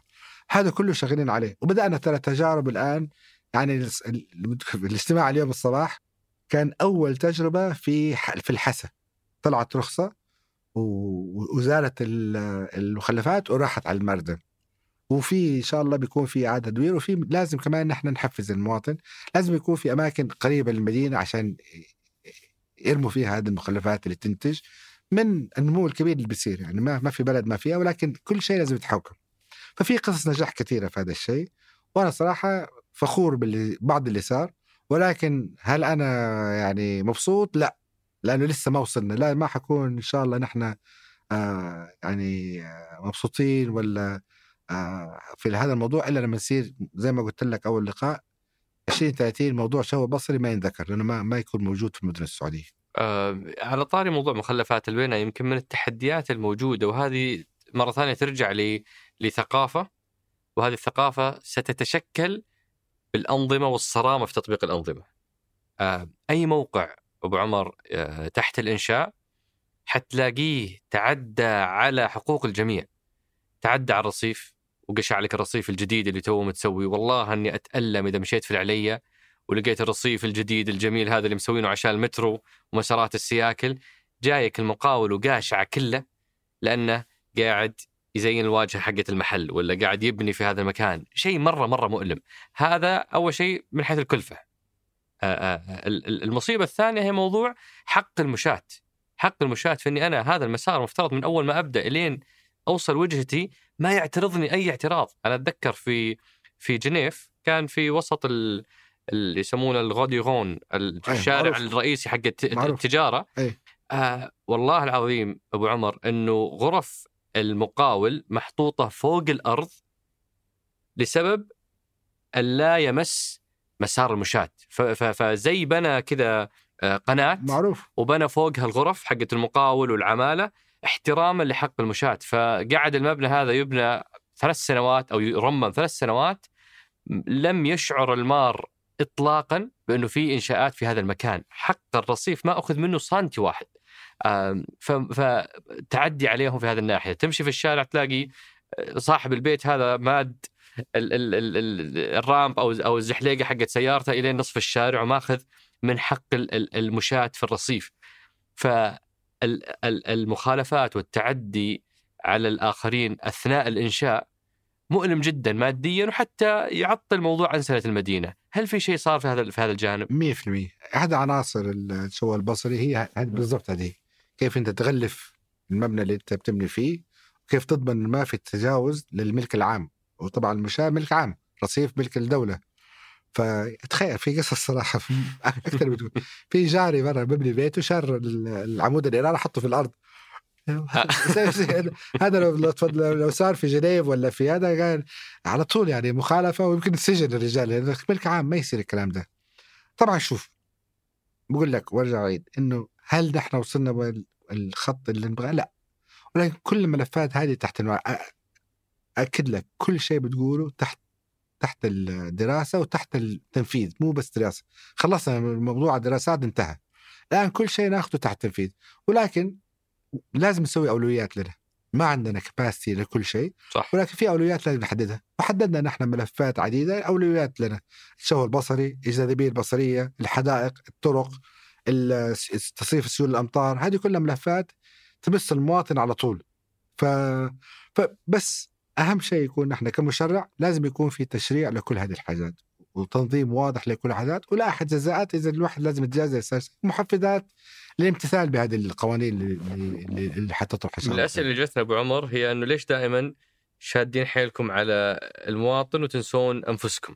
يعني التشوه البصري، التراخيص، هذه كلها بس على المواطنين، طيب ماذا عن المباني الحكومية؟ المباني الحكوميه مليانة تشوهات، مباني البلدية نفسها ممكن نطلع لك لسته بالمخالفات اللي موجودة في مباني البلدية. يعني كيف باب النجار مخلوع؟ زي ما قلت لك موضوع يعني أنت تطرقت غير مباشرة. موضوع الحديقة هذه اللي في القنفذة صحيح. الترخيص. هلا دحين ما في ولا مبنى حكومي يتم إلا لازم ترخيص بناء من الوزارة وكل ترخيص يجي تحته أنظمة أنظمة بناء أنظمة تصاميم أنظمة هذا موجود لازم يكون جزء من الترخيص. وهذا العمل قايمين فيه زي ما قلت لك ها؟ يعني مشاكل طبعا يعني آه، ما تقدر تدافع عليها لكن لأنها كثيرة ها؟ ولكن لازم نحلها واحدة واحدة. ما تقدر تجي يعني تحل كل مشاكل في واحد وتخ... وت- وينزل منك شيء. يعني ما نركز لازم القطاع البلدي يكون عنده أولويات واضحة ينفذها بعدين يكمل على الباقي. فأولوياتنا نحن الحمد لله يعني واضحة. وطبعا طرقنا على جزء منها مو كل شيء ترى في أولويات ثانية مهمة جدا نحن عاملين عليها. أنا أعطيك كمثال موضوع ال ال الإسلام المالية لل- لل- للقطاع البلدي. تعرف نحن ميزانيات البلدية ما تجي كميزانية تجي دعم ها؟ واللي هو الفرق بين الإيرادات واحتياج المدينة. هذا هو الميزانية حقت دعم الميزانية. نحن السنة هذه الحمد لله عام من عام 2020 إلى 23 غطينا مصاريف الباب الثالث كلها من ايرادات البلدية. وأبشرك. الباب الثالث اللي هو الرواتب ولا إيش هذا؟ لا ال- الأول ال- الرواتب والثاني ال- أظن ال- الجي الجي اي والثالث هو التشغ- التشغيلية اللي هي الصيانة والارصفه إن شاء الله في أرس- 2027 28 نغطي الثلاث الأبواب كلها مع الرواتب وال SG&A كاملا هذا ترى إنجاز كبير للقطاع البلدي. يعني الآن آه، شلنا العبء عن الدولة وخلينا المدن تمول نفسها. وال وال وال والحلو في الموضوع أبو عبد الرحمن إنه مو كموضوع الجزاءات ما ما, زاد. ستيل ستدي زي ما هو في 22 الزيادة في الإيرادات جات من الاستثمارات من الأراضي البلدية من حاجات ثانية إنه نحن نفذناها. مو من اجاده لا اجاده اجاده كان أول ملف استلمته جيت الوزاره كيف كان الملف هذا؟ شوف ما يعني ما ملف طبعا. جت اسئله عليه فيعني فرصة ما دامك تطرقت لها. شوف هو في يعني موضوع التخصيص في القطاع البلدي مهم. نحن قلنا عندنا هدف نخصص 70% من ال- من القطاع البلدي. تجربة إجادة مع أنه كانت ناجحة بالنسبة لامتثال ولكن الردود الإعلامية عليها صعبة جدا وال- والعبء اللي صار على المواطن يمكن كان صعب. فقلنا نحن لا نعطي ال- المواطن وال- والأمانة خيارات. فنحن تحولنا من موضوع أنه كيف ال- ال- الشركة تسوي تعمل إيرادات منها مبنية على المخالفات لا قلنا لا مبنية على الامتثال. فسوينا عقود أداء وهذا ترى في كل شيء بنسوي تقريبا نفس الشيء. ما نبغى نعمل المواطن ما نبغى يجي الشريك القطاع الخاص يعبر المواطن برسوم ومخالفات لا. نحن الآن نح- نحاسب ال- ال- المقاول على أدائه في المدينة. فمثلا في المدينة المنورة وفي بعض الأمانات يمكن ثمانية أمانات صار عقود أداء. فصار الم- المقاول ياخذ فلوسه ولا حقه من achievement of KPIs محددة. وأهمها إيش الامتثال في المدينة؟ إيش كم عدد الزيارات كم التغطية الرقابية للمدينة؟ فهذا غير المفهوم ترى. ف وعلى وأحسب على كذا ترى. بنسوي التخصيص لل- للمختبرات. نحن نعتبر اللي هي المشاركة في المخاطرة بيننا وبين القطاع الخاص هي تخصيص. فما نعتبر والله لا تخصيص يلا روح ارمي على القطاع الخاص وخليه يدور فلوس. لا لازم نحن مواطن. والهدف الأساسي من التخصيص هو رفع جودة الخدمة. بس هذه مهمة أبو أبو عمر. الآن تتأكد إنه لا يوجد أي عقد مع إجادة أو غيرها؟ لا لا في عقود قائمة مع ايجاد إي أنا فاهم. إيه. بس لا يوجد أي عقد ب آه، بصيغة إنه قد ما تأخذ مخالفات تزداد إيراداتك. ممكن يكون في عقود قائمة تنتهي بس التجديد كله حيصير على كل موضوع- التجديد على لازم. الآلية الجديدة إيه. أنه أنتم بالنسبة لكم بتكافئونه إذا امتثلوا السكان وليس إذا جمع غرامات أكثر. 100% فهذا إيه. الخطأ اللي صار في الماضي حيتصحح الآن. صح صح. هو وتجربة. يعني خطأ ما بس التجربه كان نشأ عنها غلطات ولكن الآن تصحح الحمد لله وتجربه المدينة ناجحة 100% يعني الامتثال ارتفع تقريبا من آه، 40 إلى 65% في المدينة والغرامات ما زادت ترى. حتى لو زادت تزيد فترة لين ما يمتثلوا ال- ال- المنشآت ترى. ما يعني ما بس ما ان نحن حاسبينه كهو والله جزء أساسي من إيرادات القطاع. لا. هذا تغيير جوهري صراحة نحن يعني. هدفنا إنه الجزاءات تصير صفر. أهم الامتثال ما همنا الجزاءات ترى. و- و- والمدينة المنورة طبقت بالنموذج الجديد. اي اللي هو الحافز في الامتثال وليس بجمع الغرامات. صحيح. المدينة وحتى ال- الشرقية والحسا وأعتقد يعني معظم الأمانات يعني ما في أربع خمس أمانات لسه مع إيه، مع النموذج القديم ولكن في التجديد بتحسب يعني حتى بعض الأمانات في نص العقد غيروا ال- النموذج حق العقد مع اجاده عشان يمتثلوا بهذه الطريقة. أتذكر على طاري موضوع التخصيص أول تصريح ل لمعالي الوزير ماجد الحقيل على وش مشروعك في القطاع البلدي؟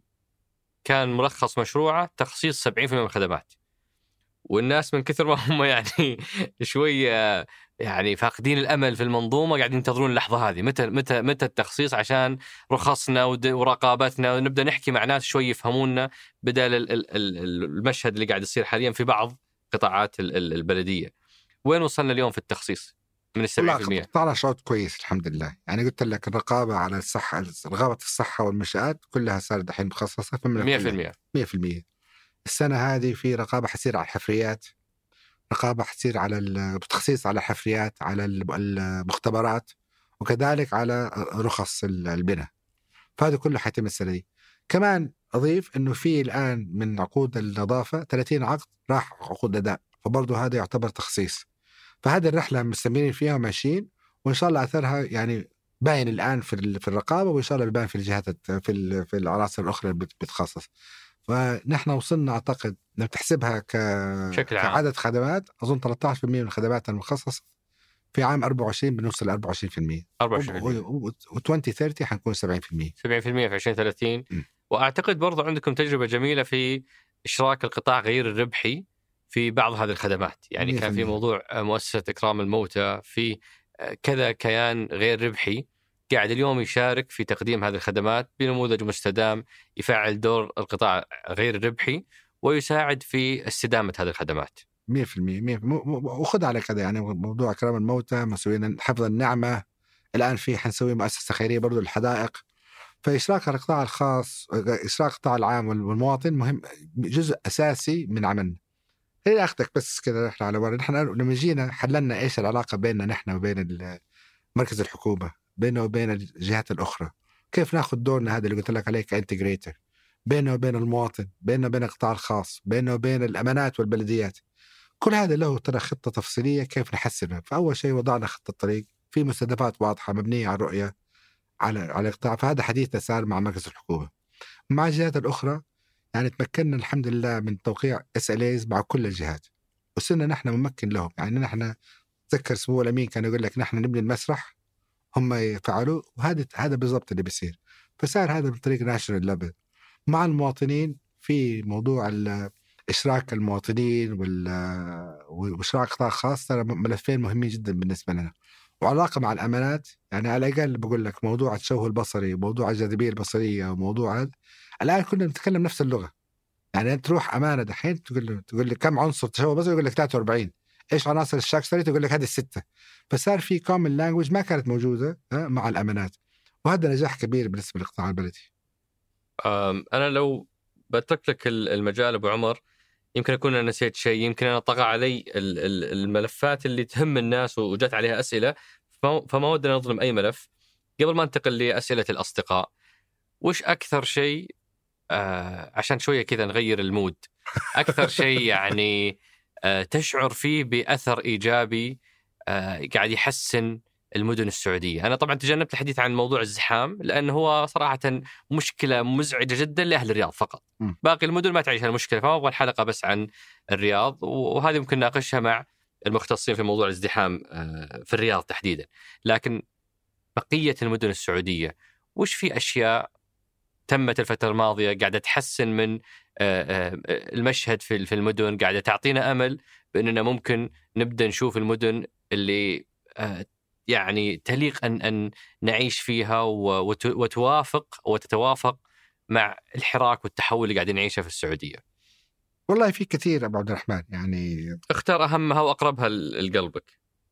يا قلبي صراحة يعني أنت تطرقت لحائل الدخلات اللي صارت في حائل والحدائق كيف تغيرت آه، حائل والتعامل والت- والتفاعل بين ال- ال- المواطنين مع مع الأمين وأمير المنطقة؟ وتشوف البهجة في عيون الناس لما تروح؟ هذا شيء مهم. في جدة موضوع ال- اللي صار الدخلات الحضرية اللي صارت فيه موضوع ال- الم- المماشي. في كانت فترة انشالت الأرصفة من جدة ما كان في أصلا كانت ليش شالوها ترى؟ عشان لا لا لا تزعج السيارة. فالحمد لله أقدر أقول بثقه الآن في عندك بس بالكورنيش ترى؟ في مماشي متكاملة من غير مقطوعة 26 كيلو. هذه المدينة ما كان فيها ولا شيء. في إن شاء الله في خلال السنين القادمة حيصير في ربط بين أبحر والبلد كله عن طريق مشاة وسياكل. هذه الحاجات ترى تبهج هذا وتعطينا نحن كموظفين في القطاع البلدي ونخدم هذا الوطن سعادة نقدر نسوي شيء زي كذا. وخذ على كذا المدينة برضو والرياض ترى الرياض كمان فيها عمل ضخم مع انه يعني يعني كبيرة وهذا ولكن الرياض بتحول تحول شامل إن شاء الله في السنين القادمة. والحسا والشرقية في كل مدينة لها شيء بيصير ولكن صراحة كثيرة جدا. أنا بركز على هذه الحاجات لأنه بهجة صراحة هو اللي نحن فيه يعني تلاقينا في مو... على مشروع بهجة. بهجة كان قريب من قلبي وهذا اللي يعني الأثر السريع اللي نشوفه عند عند المواطنين الحمد لله. آه وفي يمكن كان واحد من أوائل الأسئلة اللي وصلتنا وهو مكرر بشكل أو بصيغة مختلفة من من سكان جدة على مستوى النظافة أو مستوى العناية بالمدينة وإنه مشاكلها قاعدة تاخذ وقت أطول. فبحثنا إحنا عن بيانات لقينا إنه عدد عمال النظافة لو بنقارن مثلا بين الرياض وجدة عدد عمال النظافة آه، في منطقة الرياض 13000 و230 وعدد آه، عمال نظافه في أمانة محافظة جدة 5900 بينما كمخلفات بناء جدة فيها مليونين ثمانمية والرياض فيها مليون وستمية. فأنت تتكلم على عدد مخلفات أكثر وعدد عمال نظافه أقل. فيمكن هذا كان له دور في إنه أهالي جدة يشتكون من موضوع النظافة وجودتها. صحيح طبعا آه، بس في في سبب لهذا الشيء وسبب ترى يعني مقنع ما هو سبب آه، مو مبرر. جدة ترى يمكن من أكثر الأمانات المتقدم في موضوع النظافة. اللي بيشوف ان الآن في جدة ترانزيشن بين منهجية قديمة ومنهجية جديدة. جدة الآن تحول كل عقودها عقود اداء في النظافة. فموضوع عدد عمال النظافة ما ما صار شيء أساسي في العقد. كم مره كم المهم كم عدد المخلفات البناء إيش حجمها؟ إيش مستوى النظافة في الشوارع؟ ونخلي القطاع الخاص يبدع وينتج ويجيب لنا شيء بأقل تكلفة ويغطي آه يعني منطقة أكبر من اللي يغطيها الآن فصار الموضوع هذا يعني انه موضوع مبني على KPIs و performance ما هو مبني على إنه والله أجيب عمال واجيب مكن ويلا نظف المدينة. هذه طبعا نموذج فاشل يعني ما ما, ما نجح في في في المدن السعودية وهذا اللي التغيير الأساسي اللي بيصير في النظافه الآن. فهذا شغالين عليه وإن شاء الله قلت لك أظن أول لقاء 30 عقد بتوقعوا هذه السنة ولين نهاية 24 اظن 46 عقد من عقود النظافة كلها حتكون عقود أداء. آه وموضوع جودة الشوارع في في جدة ومشاكلها وتحدياتها. والله جدة تعرف المياه السطحية في جدة ها مؤثر كبير للشوارع ها الحمد لله بتوجيه من سمو سيدي رصدوا لنا ميزانية عشان نحل مشكلة المياه الجوفية يصير ما نسوي نبني شيء وبعدين عارفين حيخرب فحنحل المشكلة من جذورها بعدين حنبدأ نظبط في البنية التحتية وتنبني بأحسن المعايير العالمية. هذا بدأ؟ هذا بدأ الحمد لله. بالتعاون الحمد لله هذا صار تعاون بين آه، وزارتنا ووزارة البيئة مع معالي الفضلي ومعالي الحقيقي آه وكم مدة آه تنفيذ هالمشروع؟ والله أرجع لك أعتقد يعني خاصة البنية التحتية مشاريع يعني تطور أيوه يمكن ما والله ما ما ما أعرف بالضبط أعتقد سنتين أو ثلاث سنين. لأنه طبعا مساحة كبيرة مو مو مو بس في حي واحد. في يعني أسئلة على موضوع الأشجار وسولفنا عنها وأنت طمنتني إنه كل هذه المعايير موجودة وقائمة وملزمة وال يعني وفي أدلة لها. وفي أدلة لها. أوه. أي شيء يطلع هو مخالف. صح. آه وليس يعني آه، مقبول من جانبكم. آه في سؤال عن موضوع البلاغات في 940 أنتم عندكم رقم 940 للبلاغات. صحيح. يقولون دائما تفاصيل الحل مبهمة. تم الحل. وارجع ألاقي الموضوع ما لم يحل. آه ففيه كذا آه، ضبابية في طريقة الحل وتقفيل الطلب. فما أدري إذا إذا قد طلع يعني قد اطلعت على شيء من هالنوع أو وصلتك المشكلة. كثير من ال من الأصدقاء والله بيرسلوا لي مشاكل 940 ولكن هي طبعا لم تحدد. نحن من نقول حل انه مثلا في حلول عند الوزارة عند الامانه الامانه تحلها فلما تبلغ على شيء في 940 تلقائيا يروح للأمانة والبلدية المسؤولة. وما يتم رصد إنه الحل الا اللي حلت المشكلة. ولكن في بلاغات حلها إنه تبلغ الجهة المسؤولة عنها. فيمكن هذا الالتباس اللي صار في الموضوع. ولكن الأمانات الحلول اللي في يد الأمانة إذا تم آه، إرسال رسالة إنه تحلت يعني تحلت. فيه واحد يقول آه، يعني وهذا أكثر من سؤال جاء من زملائك في القطاع البلدي. يقولون آه، آه، ساوونا باخوان القطاع الإسكان.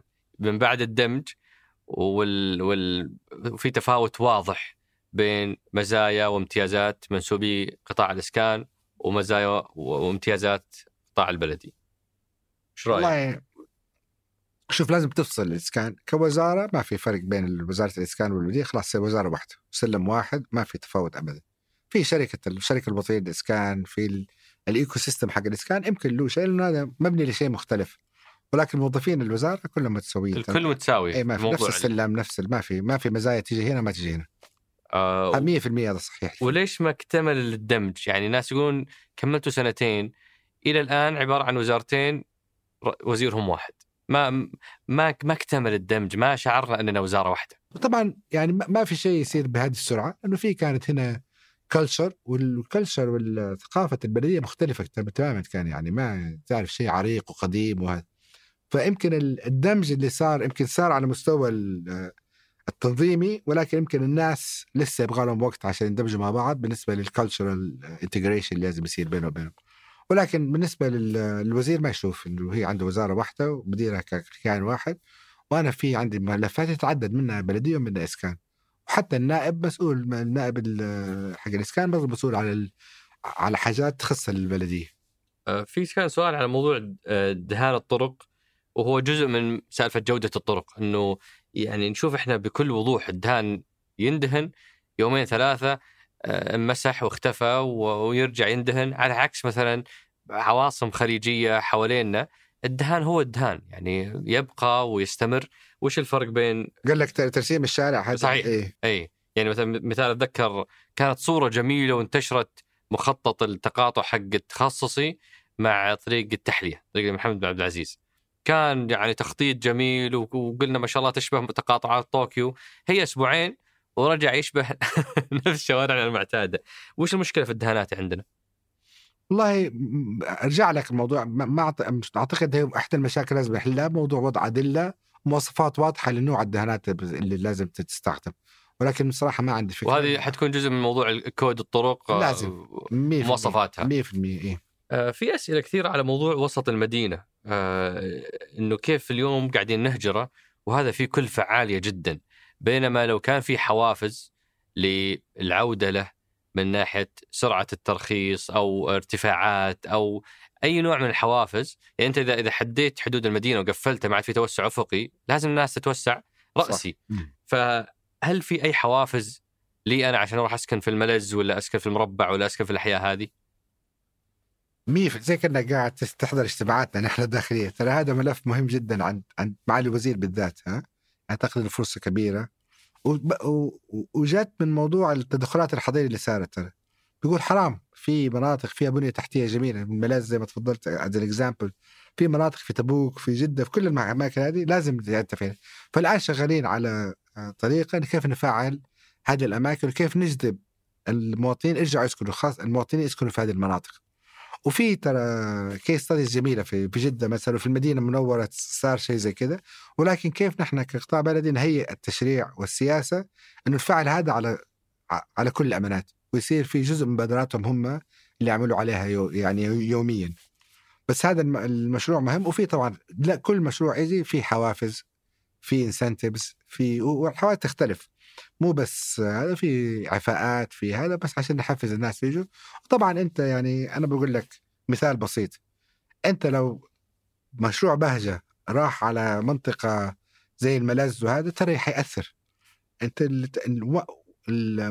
الأثر حق بهجة في التقريرات الحظيه بالذات ارفع القيمة ال... ال...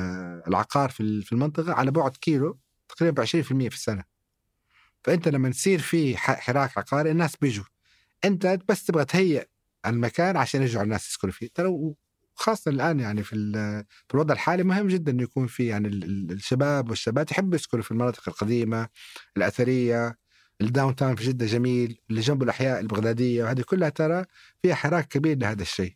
طلعوا كان يستخدم كسكن عمالة طلعوا السك... الع- ال- سكن العمالة العمالة والآن بدأوا المواطنين يرجعوا في في المناطق هذه لأنه جميلة كل الحاجات اللي تبغى تسويها في بهجه موجودة فيها فيها حدائق فيها فراغات عامة هذه المناطق جدا جميلة وهي تعكس الشيء الحقيقي اللي كنا عايشينه و... صح. ونتمنى نرجع له بعد صح. الانحراف اللي صار صح أنا يعني سؤالي قبل الاخير أبو عمر يمكن تذكر أول لقاء بيننا في هالمكتب إيه؟ كيف يعني أنا جايك يعني أغلي يعني بركان لأنه فعلا كان مشهد المدن السعودية محبط محبط جدا ولا يزال محبط ولا ولا يعني يتوافق مع طموحات أي ساكن آه، في السعودية. بس يعني أنت سويت في حركة يعني غادرة أبو عمر. أرسلتني لل... لل... لمنبع الأمل. أرسلتني لأستوديو التصميم وغسلوا مخي هناك و... وخلوني أشوف كيف ممكن يكون شكل المدن إيش التدخلات اللي حتصير آه والحقيقة الفريق اللي قابلته والأعمال اللي طلعت عليها غيرت نظرتي تماما عن مستقبل القطاع البلدي. ما زال الواقع مؤلم ومزعج للغاية. لنا كلنا. آه وهذا أتوقع واضح للجميع. لكن اللي شفته هناك إذا فعلا تحول إلى إلى أرض الواقع فحيكون مستقبلنا مختلف عن واقعنا. بس سؤالي هنا أنا أعرف إنه تطوير المدن هي عملية معقدة وطويلة ومكلفة جدا وتتطلب ميزانيات هائلة لأنك تتكلم على رقعة واسعة جدا ورقعة حية تتحرك وفيها رخص جديدة ومباني وناس ساكنة وناس تطلع وناس تجي. فودي أفهم آه وش استراتيجيتكم في هذا التصحيح؟ هل أنتم تتكلمون على تمسكون زون واحد تغيرونه بالكامل تنتقلون اللي بعده أو تمسكون تحدي واحد أو مشكلة واحدة مثلا الطرق وتعالجونها في كل مكان؟ وش منهجيتكم في التحول من واقعنا المزعج اليوم إلى المدن اللي نطمح نشوفها بالمواصفات وبالأكواد اللي شفتها في الاستو... في في في, في الاستوديو الوطني أو أو استوديو التصميم. صحيح. طيب خليني بس آخذك برضه خطوة على ورا. طبعا يعني أنا خلفيتي طبعا كلها استثمار وقطاع خاص ما أدري إيش جابك أبو عمر في القطاع هذا. هنا كلها أرقام حلوة وعوائد. والله أقول لك أقول لك بالضبط اجابه ترى أنا وأنت هذا الشيء اللي نحن يعني متفقين عليه 100% أنا في يعني كل حياتي كنت الحمد لله نجاح وتعدد في الخبرات ولكن كان شيء شيء يقصني كده في حياتي خاصة العملية. 2016 قريت وثيقة الرؤية وبعدها انتهى النقص هذا انتهى. قلت الآن عندنا توجه واضح. عندنا طموح كبير وتعرفت وقتها على سمو سيد الأمير محمد عنه من خلال الرؤية هذه. بعدها بكم سنة كلمني مع الوزير وانضميت للوزارة كمستشار. بعدين سنة كورونا ولا لا أنت ضبيت 2020 إيه. بعدها كمان تعرفت على سمو الأمير من جانب آخر. الحوكمه وال... وال... والعمق في التنفيذ شيء صراحة يعني مو بس آه هذا شيء جميل جدا. يعني كان اللي وضعه في المجلس الاقتصادي. اللي ترأسه هو وممثل بجميع الوزراء المهتمين في الشق الاقتصادي. اللجنة الاستراتيجية بقيادة سمو السيدي آه، المكتب الاستراتيجي اللي يتابع الرؤية. المتابعة دقيقة. والأمير برجع لك السؤال ليش بقول لك هذا الكلام؟ الأمير ما عمرنا طلعنا له بشيء. يخدم المواطن قال لا. بدعم 100% أي شيء يصب في خدمة المواطن وتس وتسهيل معيشه المواطن. نحن طبعا لنا حق على الأمير ما نقدر نطلع لكل شيء نقول تعبنا والأمير طبعا منهجية واضحة، حوكمة واضحة في في التعامل معنا ومع هذا. والأمير صراحة يعني ما بنقول الكلام ده صراحة يعني هذا سبب وجودي في الحكومة إنه أشتغل نحقق جزء من هذه الرؤية. حتى داخل الحكومة وخارجها هذا دوري في الحياة من الآن ورايح فالرؤية واضحة لنا إيش بنسوي ولكن في عندنا limited resources مو بس فلوس ترى. فلوس شيء عندك ناس عندك كابابيلتيز عندك حاجات كثير لازم لازم تكبرها فلازم نحن نستنى نفسنا الين ما نكون نحن جاهزين عشان نطلب الطلبات الكبيرة هذه نحن منهجيه زي ما تقول نحن قسمنا المدن لزونز لازم نصغر المشكلة عشان نقدر نبني الحل ها؟ ونشوف نجرب هل عندنا إمكانيات الحل؟ إيه إذا لا كيف نحسن الامكانيات؟ كيف نجيب ناس أحسن؟ كيف نجيب مواد أحسن؟ كيف نستخدم أدوات تكنولوجية جديدة زي الذكاء الاصطناعي خاصة في في الرقابة الآن استخدام بحجم كبير جدا. الآن من العناصر الشغل البصري تسعة اوتوميتد تيجي سياره تلقى التشوهات تبلغها على طول. إن شاء الله مستقبلا بس تتعلم أكثر الذكاء الاصطناعي حيصير 100% من من التشوهات هذه ترصد عن طريق الذكاء الاصطناعي ف فنحن لازم أول شيء نشوف كيف المشكلة الحل إنك تحجبها تشوف الحلول الجذرية لها حلول مستدامه وتحجمها في مكان عشان تعرف إيش حتسوي بعدين تتوسع فكل خطة الآن بتصير هذه المنهجيه متبعة في الوزارة. كيف نقدر إيش هي المشكلة؟ كيف الحل المستدام لها؟ فين نقدر نحلها أول شيء؟ وكيف نعممها على المملكة؟ اليوم في اجتماع اليوم مع معالي الوزير قال أبغى ال pilot وبعد ال pilot تعمم على طول. ها؟ لازم ال pilot يعلمك كل شيء. إيش إيش النقص اللي عندك بالنسبة لل- للميزانيات؟ إيش النقص بالنسبة لل capabilities للناس؟ إيش النقص عندك بالنسبة لكل الأدوات اللي بينها؟ في حاجات كثير ما, ما, ما لك متحكم فيها. تعرف إيش بيصير؟ بعدين تنفذ. فنحن بدعم سمو سيدي وبدعم معالي الوزير اللي هو صراحة ملهم ونجاحه في الإسكان إن شاء الله. ومو إن شاء الله الحمد لله تم إن شاء الله بدأ في ال في, ال في القطاع البلدي. فكل المكنات في يدنا الآن. عندنا قائد داعم واضح إيش يبغى رسمنا طريق واضح جدا. عندنا وزير داعم وملهم ومنجز وعندنا اللي اللي نحتاج. الآن الدور علينا نحن إنه ننفذ بدعم المواطنين. المنهجية هي إنه كل مشكلة تحلل يحدد الحل يطبق على نطاق ضيق إيه. محدود لفهم آه، يعني كل تفاصيله ثم يعمم. ثم يعمم. هل في شيء عندنا اليوم وصل مرحلة التعميم؟ ال- الرقابة تخصيص الرقابة. تعمم كان ال pilot في المدينة الآن في كل المدن السعودية. هذا one example بهجة بدأ ال pilot الآن pilot بس بدأ ال pilot هذا غير. ال pilot بدأ في المملكة كلها والآن توسع عن نطاق ال pilot. حجم الحدائق والدخولات أكثر. والسنة هذه إن شاء الله بتشوف إيش هو ال landmark project الدخولات الحديقه ال- الدخولات اللي صارت السنة دي 23 كانت بسيطة. توسعه رصيف كذا ولكن في landmark project حتتم في السنة ال 24 إن شاء الله بنعزمك على افتتاح واحد منهم هاي توريك إيش هي صورة ال... نحن في نظرنا كيف ممكن المدن السعودية تكون. وهذا تدخل حضري في حي قائم مزدحم زي الملز في جدة. وحتشوف إيش بيصير التحولات اللي بتصير. وإن شاء الله هذا يعني الربط بين هذه الحاجات مع هذه هذه التدخلات مع بعض هو يكون المسار الرئيسي للمدينة. لما نرجع موضوع ال- ال zones اللي حددناها نرجع لسمو سيد الله يحفظه وجدنا إنه ال zones هذه تلقائيا إحنا سويناها بناء على دراسات ما كنا حاطين اعتبارات أخرى. لقينا إنه هذه ال zones تربط كل المشاريع الضخمة في المدن. مشاريع ال PIF كلها مرتبطة يعني لو حلينا هذه المشكلة حنحل موضوع الوصول لل PIF project والمشاريع الضخمة. فكان في عمق في التخطيط حتى من هذه يعني حتى لما انشأت المشاريع دي عارفين وين مكانها وليش وكيف وكذا لأنه كل الأماكن نفسها اللي تخدم عدد السكان الأكبر هي اللي فيها المشاريع الضخمة. ويمكن الناس شوي محتاجين ما أعرف إذا هذا صح ولا خطأ. أنتم أنتم أهل التخطيط وأنتم يعني أخبر. بس قد يحتاج الناس إلى قصة نجاح يقدرون يتباشرون فيها. يعني أنا أشوف اليوم تفاعل الناس مع اللي قاعد يصير في المدينة المنوره تفاعل عالي جدا. أي شيء يصير هناك يبدون يضغطون على أمنائهم. تفضلوا شوفوا يا ريت نشوف. شيء مماثل.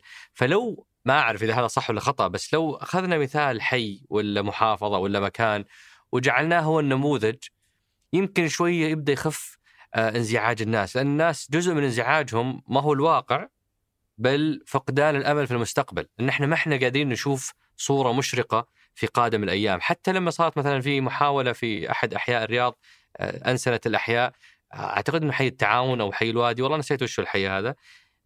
السكان انزعجوا من موضوع المواقف ومشكلة المواقف أتوقع إنك اطلعت على التجربة هذه ويمكن فيها دروس مستفادة لل- لل- للتجارب القادمة بس لو قدرنا إننا نوري سكان السعودية نموذج لشكل المدن اللي نطمح لها لا أتكلم عن المدن اللي الجديدة اللي ستنشأ من. الصفر فاهم وإنما قائمة. المدن القائمة الأحياء القائمة كيف بيكون شكلها آه قد يخفف هذا نوع من الضغط قد يعطي أمل قد يساعدكم أنتم على تعلم الدروس المستفادة من هذه النماذج.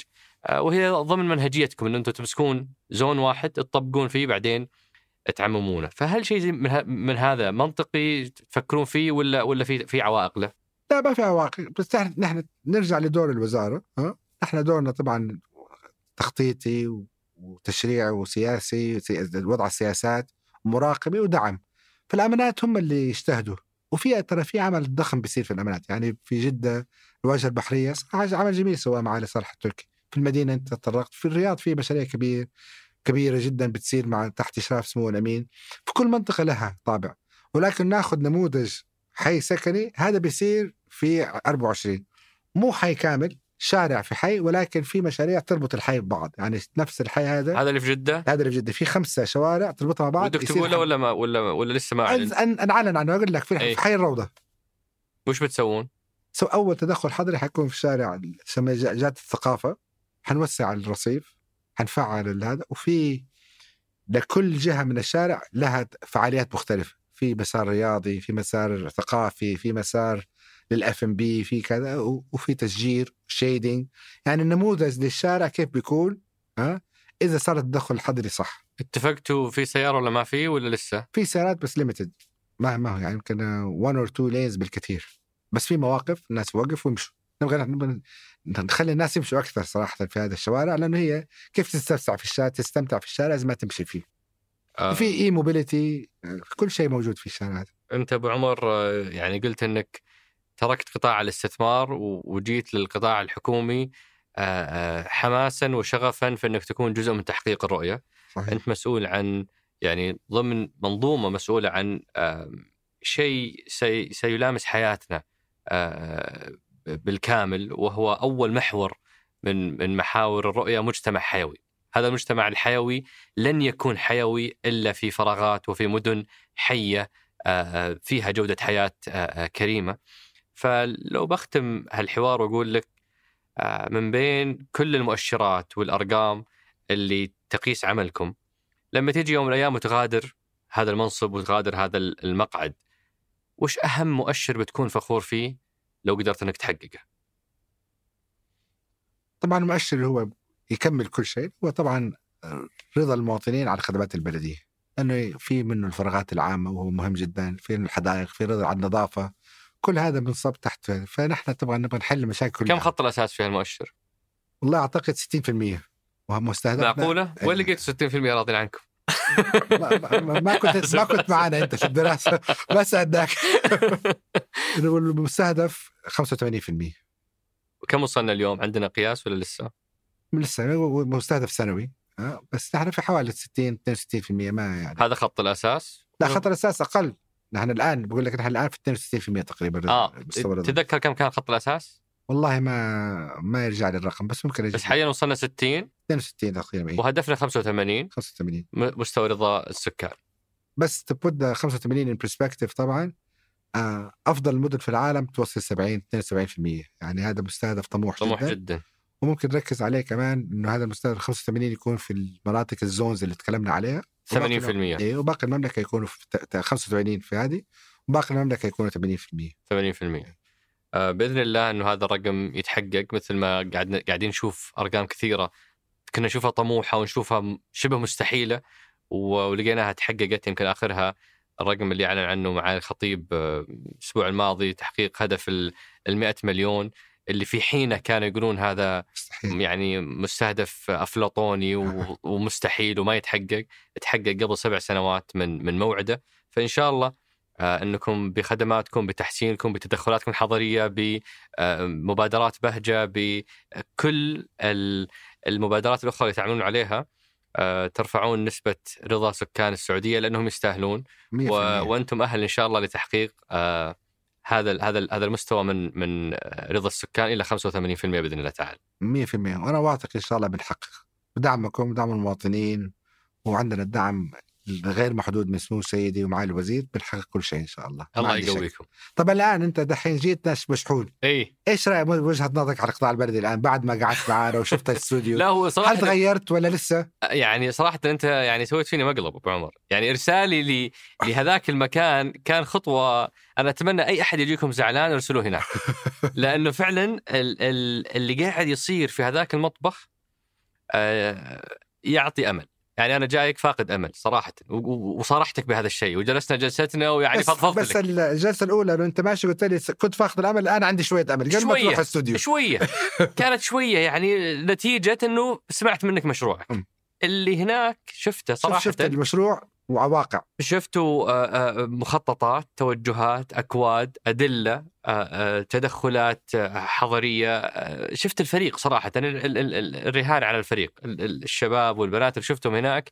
ما هو ما هو قصور في أحد بس أعتقد إنهم إذا مكنوا قادرين يصنعون فرق إن شاء الله تعالى. فأي أحد يجيكم زعلان ارسلوا هناك خلاص كم باقي؟ 40% اللي ما اي ارسلوا 40% جدولوا لهم زيارات هناك. الله يقويك الحمد. لله. شكرا لك. الشكر لك ما قصرت. شكرا لكم. شكرا لفهد القصير في إعداد وإنتاج الحلقة عبد الرحمن عطاس في إدارة التصوير في الإضاءة إسماعيل شوقي وياسر كدشة وعبد الله بالفقيه في تسجيل الصوت عبد العزيز المزي وفي التحرير برامج ضبيبان وفي الهندسة الصوتية محمد الحسن وفي إدارة الإنتاج عبد المجيد عمر وفي الإشراف على الإنتاج غيداء التميمي. هذا بودكاست سقراط أحد منتجات شركة ثمانية للنشر والتوزيع.